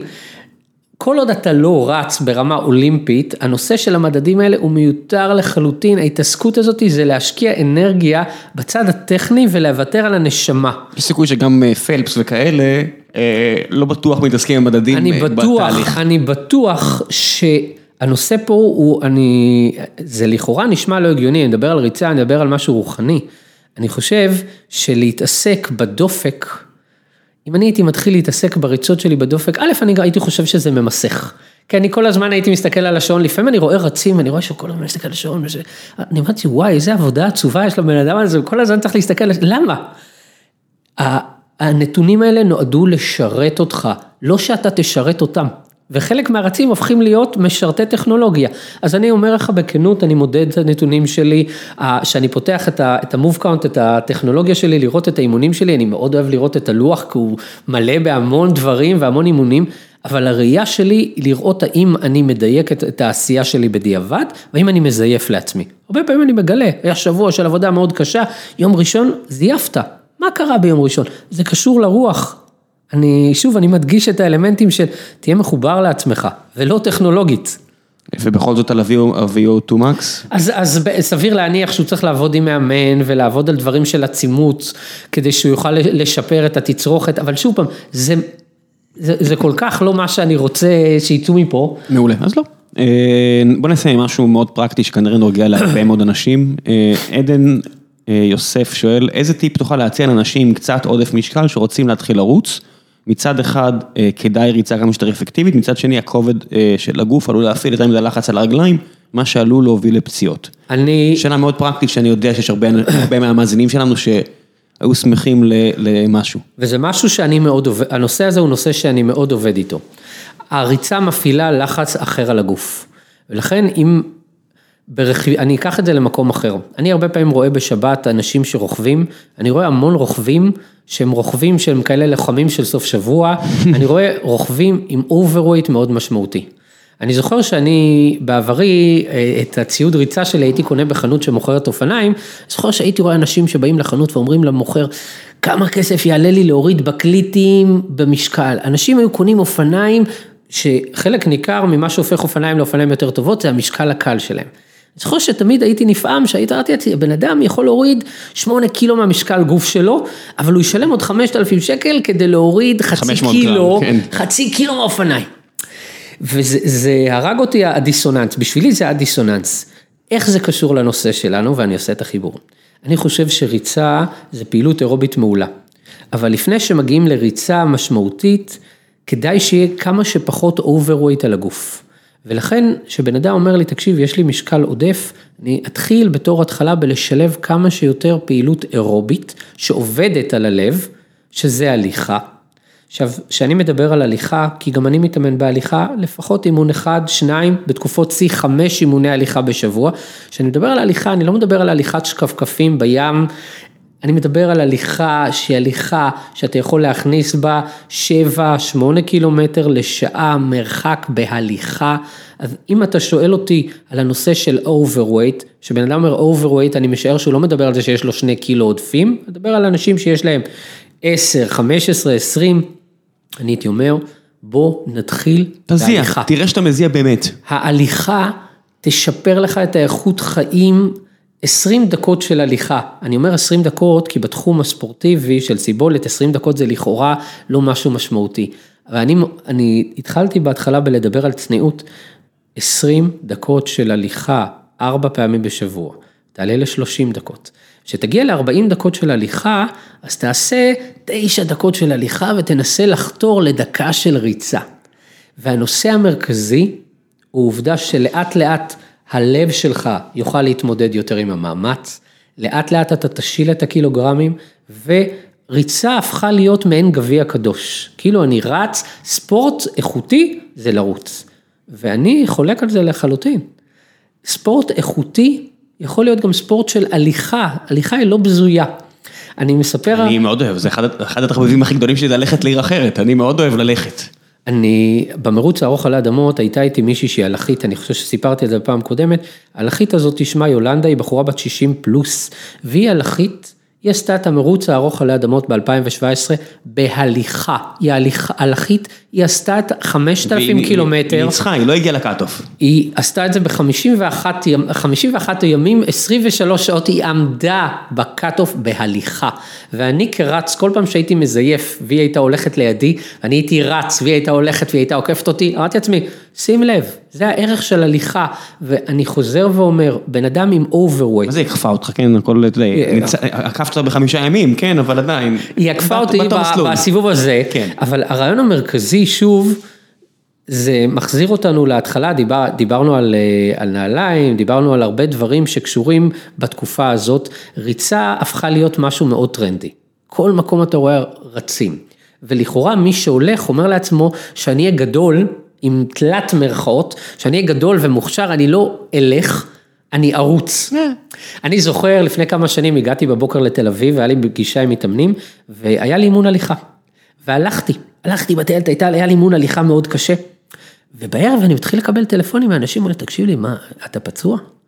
ואני, עוד ועוד בן אדם שואל אותי, אתה פצוע? ואז מישהו אמר לי, פשוט ראו אותך הולך בתל אביב. זהו, אתה קולט? אז אמרו, אנשים אמרו, טוב, אם הוא הולך, כנראה שמשהו מאוד השתבש. ואני מודה כאן בפודקאסט שאני הולך, וככל שהשיא של תקופת האימונים שלי מתקרב, אני אלך עוד הרבה יותר, כי זה עובד על שרירים טיפה אחרים מריצה, והכי משמעותי זה עובד על הלב. אז אם מישהו ב overweight, תתחילו בהליכות, לאט לאט תשלבו בזה ריצות, אני עובד עם המון אנשים ב overweight, ואתה רואה לאורך זמן, ואם פסגת האנושות, עם הרבה מירכאות של בן אדם, זה להגיע לרוץ עשרה קילומטרים, אז הוא יגיע לזה. אבל אם הוא יגיע לזה מוקדם מדי, והוא רץ עם overweight של 15 קילו, זה אנשים שאני רואה כותבים בפורומים, התחלתי לרוץ עם overweight של 15 קילו, ואחרי איקס זמן אני רואה את ה... את הפוסט הבא של מחפש אורתופד טוב ש... ופיזיותרפיסט טוב שעובדים בזה וזה. מה בכלל ההגדרה של overweight של 15 קילו? אתה תופס. בצד, כמו שעשו בווינגיט פעם? תראה, מה הייתה, תגדיר לי את השאלה שוב לא. כי אתה אומר, אה, יש לו overweight של 15 קילו. אני אומר את לפי זה- איזה מדד? לא, אני מדבר קונקרטית על בן אדם שיש לו overweight מהמשקל יעד שלו של 15 קילו. כמובן שיש הבדל? זה קשור בגובה של בן, אה, כל ברור. ה-BMI וכל הדברים נכון, האלה? ברור, זה קשור בגובה של הבן אדם. לכן אני נתתי סתם, אני נתתי את הדוגמה של 15 קילו כדי להסביר איזה עומס בן אדם כזה מפעיל על המפרקים שלו. אם יש לך overweight של 15 קילו, של 10 קילו, תתחיל בהליכות. אני תמיד אומר, כן, זה אפילו לא המשקל, פשוט אם אתם רואים מצבורי שומן, תופסים בצד, אז יש מה להוריד, אין פה מה, המשקל עצמו נהיה גם יעד כזה קדוש של... אה, שזה שוב פעם לא מדייק אותנו. כן. אנחנו דרך אגב נראה, יהיו מחקרים שיראו שאנשים שהם רזים, לאו דווקא זה בא במתאם גדול לאיכות חיים ואו לתוחלת חיים. לא, אני אומר, אם אתה באמת רוצה להוריד משקל, אני אומר, אז היקפים וכאלה, זה הרבה פעמים הרבה יותר, אה, בוא נגיד, אובייקטיבי מאשר איזשהו פעילות, יעד משקל. פעילות פיזית שתפתח את הלב, את הסיבולת, זה הדבר המרכזי. בריאות. והבן אדם שמדבר איתי על הנושא הזה של לרוץ, אני אגיד לו, אפשר להגיע לשם, בוא תגיע לשם אחרי שאתה מסוגל ללכת, בלי, דרך אגב, הרבה אנשים שאני עובד איתם, שאני נותן להם ללכת 20 דקות, אני, זה חלק ממה שאני, שאני מדבר עליו של מותאמות. נותן לבן אדם, בוא תלך 20 דקות, ואחרי שבוע הוא אומר לי, תקשיב, אי אפשר 20 דקות. אז אנחנו עובדים בללכת 10 דקות. עובדים ל-12 ו-14, ותחשוב שבן אדם שמתקשה בללכת 10 דקות, אנחנו ניתן לו לרוץ כמה דקות, איזה נזק אנחנו יכולים להוביל. ה- הטיפ שלי בדברים האלה, תמצאו מישהו ללכת איתו. הרבה יותר קל, אה, אם אתה... ברור, זה גם מגייס, אם מדברים על מוטיבציה, דובר פה מקודם על כוח רצון, לפעמים כוח רצון צריך להניע חיצונית. ולפעמים, זה אחד מהיתרונות הגדולים של קבוצות ריצה, אני לא עובד עם קבוצות ריצה, אבל אני יודע שלהרבה אנשים, העובדה שהם יודעים שביום שלישי הם צריכים בחמש בבוקר להיפגש עם החברים בפארק, הם ממש לא רוצים, אבל זה המוטיבציה זה החיצונית הטריק שלנו שלהם. להגיע למשחקים של הפועל באר שבע, יש קבוצה, ואם אתה לא מגיע, תרשום בקבוצה שאתה לא מגיע, לא ותעמוד רק זה, גם. הקבוצה, זה כמו האוהדים שאומרים, אם אני לא מגיע, או הקבוצה מפסידה. זה, זה, מה זה שקורה, אז אתה צריך לשאת בתוצאות שאתה אשם, ושכולם ידעו שאתה אשם, ושתתן סיבה למה אתה לא מגיע, אין, אה, אין מה לעשות. טוב, ובנימה מטופשת זו מהצד שלי, אני חושב שהגענו לסוף הפרק, ועכשיו אני אשאיר לך את הבמה להמליץ על כל דבר שתרצה. אה, אני חושב שאני ממליץ מאוד על הדרגתיות ועל ויסות. וזה מי עוד. נותן לך sponsorship? תן, במי אתה מאמין? אז הוקה לנעליים, הוקה נותנים לי עזרה משמעותית לאורך שנים בנעליים, אני בחרתי בהם, וזאת הייתה אחת מהבחירות. אני חושב, דיברנו מקודם על שותפים, אחד מהדברים שהם הכי עושים לך את החיים טובים זה לבחור את השותפים הנכונים. זה בטוח. אז אני בחרתי בהוקה בנעליים ובחרתי בסונטו שמלווים אותי הרבה מאוד שנים בשעונים, שאני בחרתי בהם כי השעונים שלהם עמידים ומחזיקים את השעות שאני צריך שהם יחזיקו. מי עוד? אה, אה, גרביים שלי אני מקבל מחברת פיצ'רס, שהם, שוב פעם אני דיברתי על המכה של רצים למרחקים ארוכים שזה שלפוחיות. כובע? אני מקבל מחברה שנקראת ריידלייט, אני מקבל כובעים ואני מקבל אה, מנשא למים, כי אין מה לעשות, גם שעה וחצי בצהריים מצריכה מנשא טוב למים. תשתו מים, רגע, מה מיוחד בכובעים האלה? הכובעים האלה הם כובעים שנקראים דגם סהרה, והרעיון המרכזי, בפרט לאנשים קרחים, אני בן אדם קרח, העובדה שאתה נחשף לחום והרבה פעמים אתה חושב שהראש מוגן עם הכובע, אבל אתה מקבל את החום בצוואר.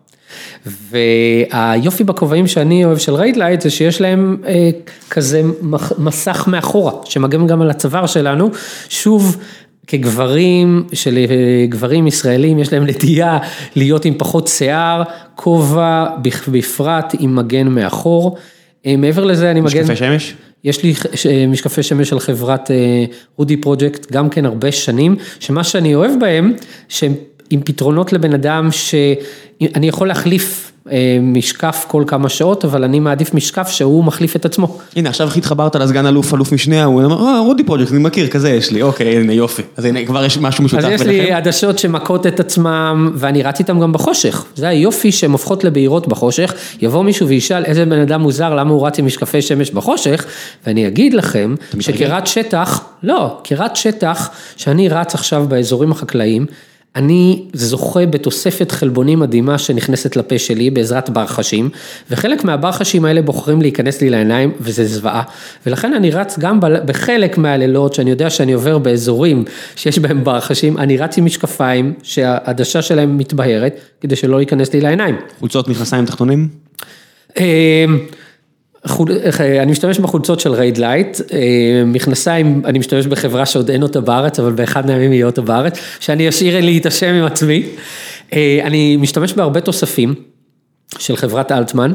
הנושא של תוספים הוא נושא מאוד שנוי במחלוקת. אני קורא כל הזמן מחקרים שמראים, אני אוהב לקרוא מחקרים שמראים לי כמה תוספים שאני משתמש בהם, לכאורה אין צורך להשתמש בהם. מה אתה לוקח? קודם כל אני לוקח הרבה מאוד אומגה, אני לוקח המון אומגה, אני לוקח לפחות 4, אה, 6 אה, ליום אה, כדורים של אומגה. אני לאורך השנים מה שעשיתי, מגנזיום? מגנזיום אני לא משתמש, יש לי אותו ככלי חירום, אני לא משתמש בו, אני אסביר לך למה. מגנזיום הוא אחד מהדברים הכי טרנדיים בעולם הריצה היום, שאנשים לוקחים על בסיס יומי מגנזיום. אני גם, אני בלי זה נתפס לעשירים. ואני זוכר שהמגנז... אני אספר קוריוז על מגנזיום, לפני איזה עשור, שאני התחלתי לעלות במרחקים, קראתי בפורומים בחו"ל על מגנזיום, והתחלתי להשתמש במגנזיום. ואני זוכר שכל פעם שהרגשתי משהו תפוס, הייתי לוקח מגנזיום. אז הגיע מרוץ של 100 קילומטרים במגידו, שאני לקחתי מגנזיום, ואז לקחתי עוד מגנזיום, לקחתי איזה שלושה מגנזיום פעם בשעה וחצי כי הייתי תפוס, ואחד מהסייד אפקט של מגנזיום, ולכן הוא משתמש בלקסטיבים, במשלשלים, שמהמגנזיום השלישי היה לי מרוץ מאוד מהיר, רצתי מעץ לעץ, היה לי מרוץ מאוד מאוד מהיר, אני זוכר שאשתי אמרה, לא יאמן כמה גלילים סיימת במרוץ הזה. אבל באותה תקופה גם התחלתי לקרוא על מגנזיום, ומגנזיום יש לו השפעות על קצב הלב. ואיך שאני הבנתי שלמגנזיום יש השפעות. בטח בכמויות שאתה לוקח. אז אני הפסקתי וחדלתי ממגנזיום, שהשרירים שלי מאוד דפוסים, אני אקח מגנזיום, אני לא לוקח מגנזיום בשגרה. אני בכלל ממליץ לכל בן אדם שמשתמש בתוספים, תקראו. לא, זה כן. אני, אני אומר את זה כי אני לפעמים שומע אנשים אומרים לי, אני משתמש בזה ובזה ובזה, ואז אני שואל, רגע, למה? את זה, תעשו בדיקות דם, תראו מה חסר, מה, מה יש לכם עודף. חלק ניכר למשל מהרצים סובלים מאנמיה של רצים. לא בודקים, רואים ירידה בזה, אומרים אני לא מתאמן נכון, אני צריך עוד אימונים, אני לא ישן, לא, יכול להיות שאתה פשוט עושה, יש אנמיה של רצים, כדאי שתבדוק את הדם. אני משתמש בהרבה תוספים, אבל אני גם בודק, כל תוסף שאני מכניס, זה, זה חובה, אתה מכניס משהו זר לגוף שלך, לפעמים אנשים אומרים לי, אה, זה בסדר, אנחנו לוקחים תוספים מהטבע, מהטבע זה לא פוגע. רגע, אנשים, מה זה אומר? יש משהו שלא הגיע מהטבע? יש משהו שלא הגיע מהטבע, ומה זה מהטבע זה לא, זה לא פוגע? זה חשיבה מאוד מעוותת של אנשים. אתה כן. מכניס לגוף שלך חומרים, תבדוק מה אתה מכניס לגוף שלך. ויטמין D, טוב, אתה כל הזמן כל כך בשמש, אתה לא צריך. אני לא צריך ויטמין D, אני משתמש, יש לי ויטמין C, אני משתמש... באמת, אתה לוקח ויטמין C? אני לוקח הרבה מאוד ויטמין C. למה? קודם כל אני מרגיש שעוזר לי לערות שלי, ויטמין C, וב' אני לאורך השנים פשוט ראיתי, ראיתי שמבחינתי יש בו משהו שמשפיע ברמה של ערנות. אה, כל הדברים שאני איזה התחלתי... כדור של ויטמין C אתה לוקח? כמה? כמה... של 500, כדור של בליעה. אה, כל הדברים שאני התחלתי לקחת, אה, התחלתי לקחת בתור התחלה כתלמיד. מה הכוונה כתלמיד? אני הלכתי למרוצים הרב-יומיים, אמרתי לך שהייתי מתצפת על הנעליים של אנשים. Mm-hmm. תצפתי גם על השולחנות. כל אחד יש לו במרוץ רב-יומי שולחן עם כל הציוד שלו. ואז לפני המרוץ הייתי בא לאנשים, הייתי אומר לו, מה זה? הייתי עושה רשימות, במה אנשים משתמשים, הייתי מנסה להכניס ולראות איך זה משפיע עליי, הייתי מסתכל מה זה עושה, כך הגעתי לאומגות, שראיתי שכל הרצים הרב-יומיים משתמשים באומגות, בהתחלה הייתי מאוד ספקן, לא ידעתי... זה לא רק שלוש? זה כאילו, זה זה לא... רק שלוש, כן, אבל. בכמויות, ו- וראיתי את כמות ה... את ה אתה מסתכל, אתה אומר, אוקיי, זה בן אדם אחד משתמש בזה, שניים, שלושה, אתה מתחיל לעשות, עכשיו שוב פעם, הראייה שלי אומרת, בוא תבדוק מה עובד לאנשים אחרים, תבדוק מה ההשפעות לוואי של זה, ותבדוק אם אתה יכול לשלב את זה, זה שזה עובד למישהו אחר, זה לא אומר שזה יעבוד לך. ככה לאורך השנים גם ויתרתי נניח על המגנזיום, גם הכנסתי דברים אחרים. אה, דרך אגב, אני רק אגיד אמירה, בישראל מאוד אוהבים את הנושא של קורקום, בעולם זה בכלל לא מוכר. כן, זה נורא פופולרי קורקום בארץ. בישראל אנשים אומרים לי כל הזמן, זה אנטי דלקתי, אני תקשיב? עכשיו אני, עכשיו אני מסיים אה, סייקל של, אני, אני לכל דבר בודק על עצמי, ואז עושה כזה A-B טסט, אני מפסיק ורואה אם יש איזושהי השפעה, אני עכשיו בדיוק מסיים את החודשיים, שזה בדיוק 60 כדורים של הצנצנת קורקום שקניתי, לא זיהיתי שום, שום יתרון. אז אנשים כל פעם אומרים לי, מה אתה לא לוקח, זה אנטי דלקתי, זה יעזור לך, ואז אני אומר, רגע, א', שוב, תקראו, ב', תבדקו. ג', אני שוב, אני משתתף במרוצים, אני מסתכל על מה אנשים מסתכלים, אין קורקום. מעולם לא ראיתי באף שולחן, ואני מסתכל עם אנשים שרצים 50 יום, הם יודעים, הם, הם לפחות יודעים מה חסר להם. אמ, אני, אני שוב פעם, זה, זה, אתה שאלת אותי על הנושא של החסויות ומי עוזר לי, אני חושב שאחד מהדברים העצובים ביותר, אני אומר את זה בספורט הדל שלי, אבל זה נכון בכל ספורט, ספורט בארץ. שאתה צריך, כמה צריך תמיכה. בטח. והנה אנחנו יושבים פה ומדברים ובעצם אוסף של אנשים טובים שקשורים לחברות ספורט, הסכימו לקחת אותי כפרויקט, כי הם יודעים, דרך אגב, ברור שגם מהצד שלהם, יודעים שאם אני משתמש במוצר שלהם, אז מי שמסתכל עליי אומר המוצר שלהם עמיד. לא ייתכן מוצר שעליי והוא לא עמיד. עזוב, התרבות בארץ כל כך קלוקלת, תרבות ספורט בארץ כל כך קלוקלת מהבחינה המסחרית, שגם קבוצות ספורט מקצועניות לא מסתדרות עם זה, אז אתה אומר, אתה בספורט יחידני שהוא הוא כל כך לא מוכר, אני אומר, זה, זה כל כך רקוב מהשורש, ההבנה הזו של אנשים שדוחקים את עצמם, הם השגרירים הכי טובים של, של המוצר שלכם. כי אם, זה- אם הם מאמינים בכם מספיק כדי להשתמש, תביאו להם כסף, תעזרו להם, כי אנשים מסתכלים עליהם. כמו שאתה אומר, שאתה הולך לשולחנות, אז אני מסתכל מה אנשים אחרים רצים בטיילת. אני, יכול להגיד לך, אני לפעמים, אני היום בהרבה מקומות מוכר, גם לא בעולם הרצים, אני לפעמים הולך לאיזשהו בית קפה, עוצר אותי מישהו, היי, אתה זה וזה, תראה לי את הנעליים, זה היה לי לא מזמן עם הבת שלי, אנחנו בבית קפה, תראה לי את הנעליים, מה זה הנעליים? אני, אני זוכר, אה, אני, אני הייתי נורא נבוך, אבל זה, זה בדיוק לראות שמישהו משתמש, ואתה יודע שאם הוא משתמש, בדיוק. אז אם זה מתאים לך, אז על הנושא של עמידות, אתה יודע שזה עובד, אבל זה עצוב שכך זה עובד. אני חושב שהלוואי... למה זה עצוב? לא, זה לא עצוב שחברות פרטיות עוזרות לספורטאים, אני חושב שספורטאים היו צריכים לקבל גם עזרה, כדי שהם לא יצטרכו לעסוק בלחזר אחר גופים פרטיים לא, שיתמכו בהם. אני הייתי רוצה שהשוק הפרטי פשוט יהיה מספיק יעיל כדי שלא תצטרך לחזר, שהוא יחזר אחריך. אה, אני, אני כבר לא במקום שאני מחזר, אני מודה, אבל עדיין, זה דווקא נקודה שמטרידה אותי על הנושא של הפרטה. כי אני חושב ש... לא להשאיר את זה ליד המקרה. נכון, זה עניין של מקריות ועניין של אנשים שהכרת והיה לך כימיה, יכול להיות שהרבה ספורטאים טובים נופלים בדרך כי הם לא פגשו את האנשים הנכונים והם לא יצרו כימיה. וזה זה פספוס, זה פספוס. שוב, אני, אני חושב, אני אגיד כאמירת סיום, כי אני, אני חושב שאם אני מסתכל על העשייה שלי, והרבה פעמים אה, אני מנסה לקחת אותה למקומות שהם לא קונקרטיים בעשייה שלי, והרעיון שלי בריצה זה להראות שבעצם גם שאתה ניצב מול משהו שהוא לא יכול להיות, ושהוא לא אפשרי, שאפשר לעבוד קשה ולנסות ליישם אותו ולהצליח.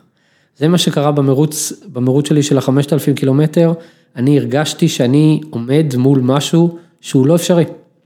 ועדיין אנשים שואלים אותי אם אפשר לרוץ חמשת אלפים קילומטר, האמירה הראשונית שלי זה שברור שלא. אבל אני משער שיש מישהו ש...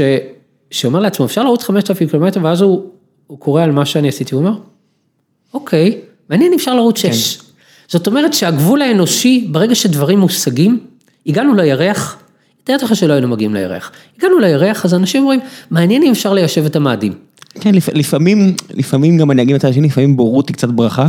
אה, לא תמיד צריך לדעת בדיוק הכל על האתגר שעומד מולך, הרבה פעמים אנשים באים אליי, אה, וזה קורה הרבה לאחרונה, של איך אני מגייס כסף משקיעים, איך אני מקים את החברה, ואני אומר, אולי תלך עם מישהו טיפה פחות ציני ממני, כי יכול להיות שאני אגיד לך, עזוב, זה, אין לך את זה ואין לך את זה, אני אומר, לפעמים בורות היא ברכה, אני, אני נחשפתי להרבה סיפורים, אני יודע, חבר'ה שהקימו בגוגל את השירותי ענן שלהם, שזה לא משנה, לא כזה קריטי למה שאנחנו עושים פה, מה שדיברנו פה, אבל הם אמרו, אם היינו יודעים את גודל האתגר, בחיים לא היינו עושים את זה, כי זה, כי זה סיפור מטורף שאנחנו לקחנו לעצמנו.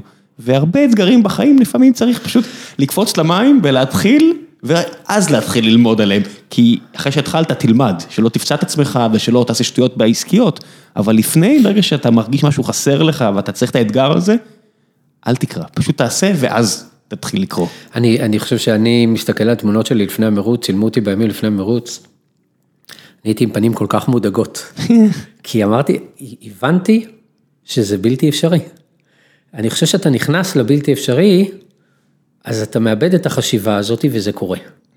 וכל מי ששומע אותנו, ולאו דווקא בכלל בתחומי הספורט, הכל אפשרי, אתה צריך לדעת ולהכיר את עצמך ולחפש את המקומות שלך ולהיכנס גם עם משהו שהוא נראה לא יכול להיות ולא לא ייתכן, צריך להיכנס לדבר. אז אני רק אסיים במשפט אה, אחרון, טברסקי, עמוס טברסקי, שכבר 25 שנה לא איתנו, אה, בספר עליו הם ציטטו אותו, שהוא אמר, אה, שהוא אמר לכל האנשים, הוא אמר שפסימיות זה דבר מטופש. כי הוא היה אופטימי רציונלי, מה זה אומר? אם אתה פסימי, אומר, אתה סובל גם שהדבר הרע קורה, וגם כל הדרך עד הדבר הרע, אז הוא אומר, זה היה אופטימי רציונלי, אופטימי מבחירה. אני אומר, זה נראה לי אחלה, הבן אדם היה אמור לקבל נובל אם הוא היה חי, אז אני אומר, אולי צריך להקשיב לו.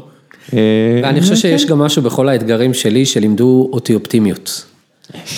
אם עדיין לא למדת אופטימיות אחרי שרצת 5,000 קילומטר, כנראה שזהו, אתה פסימי מלידה, ולא נראה לי שזה המקרה.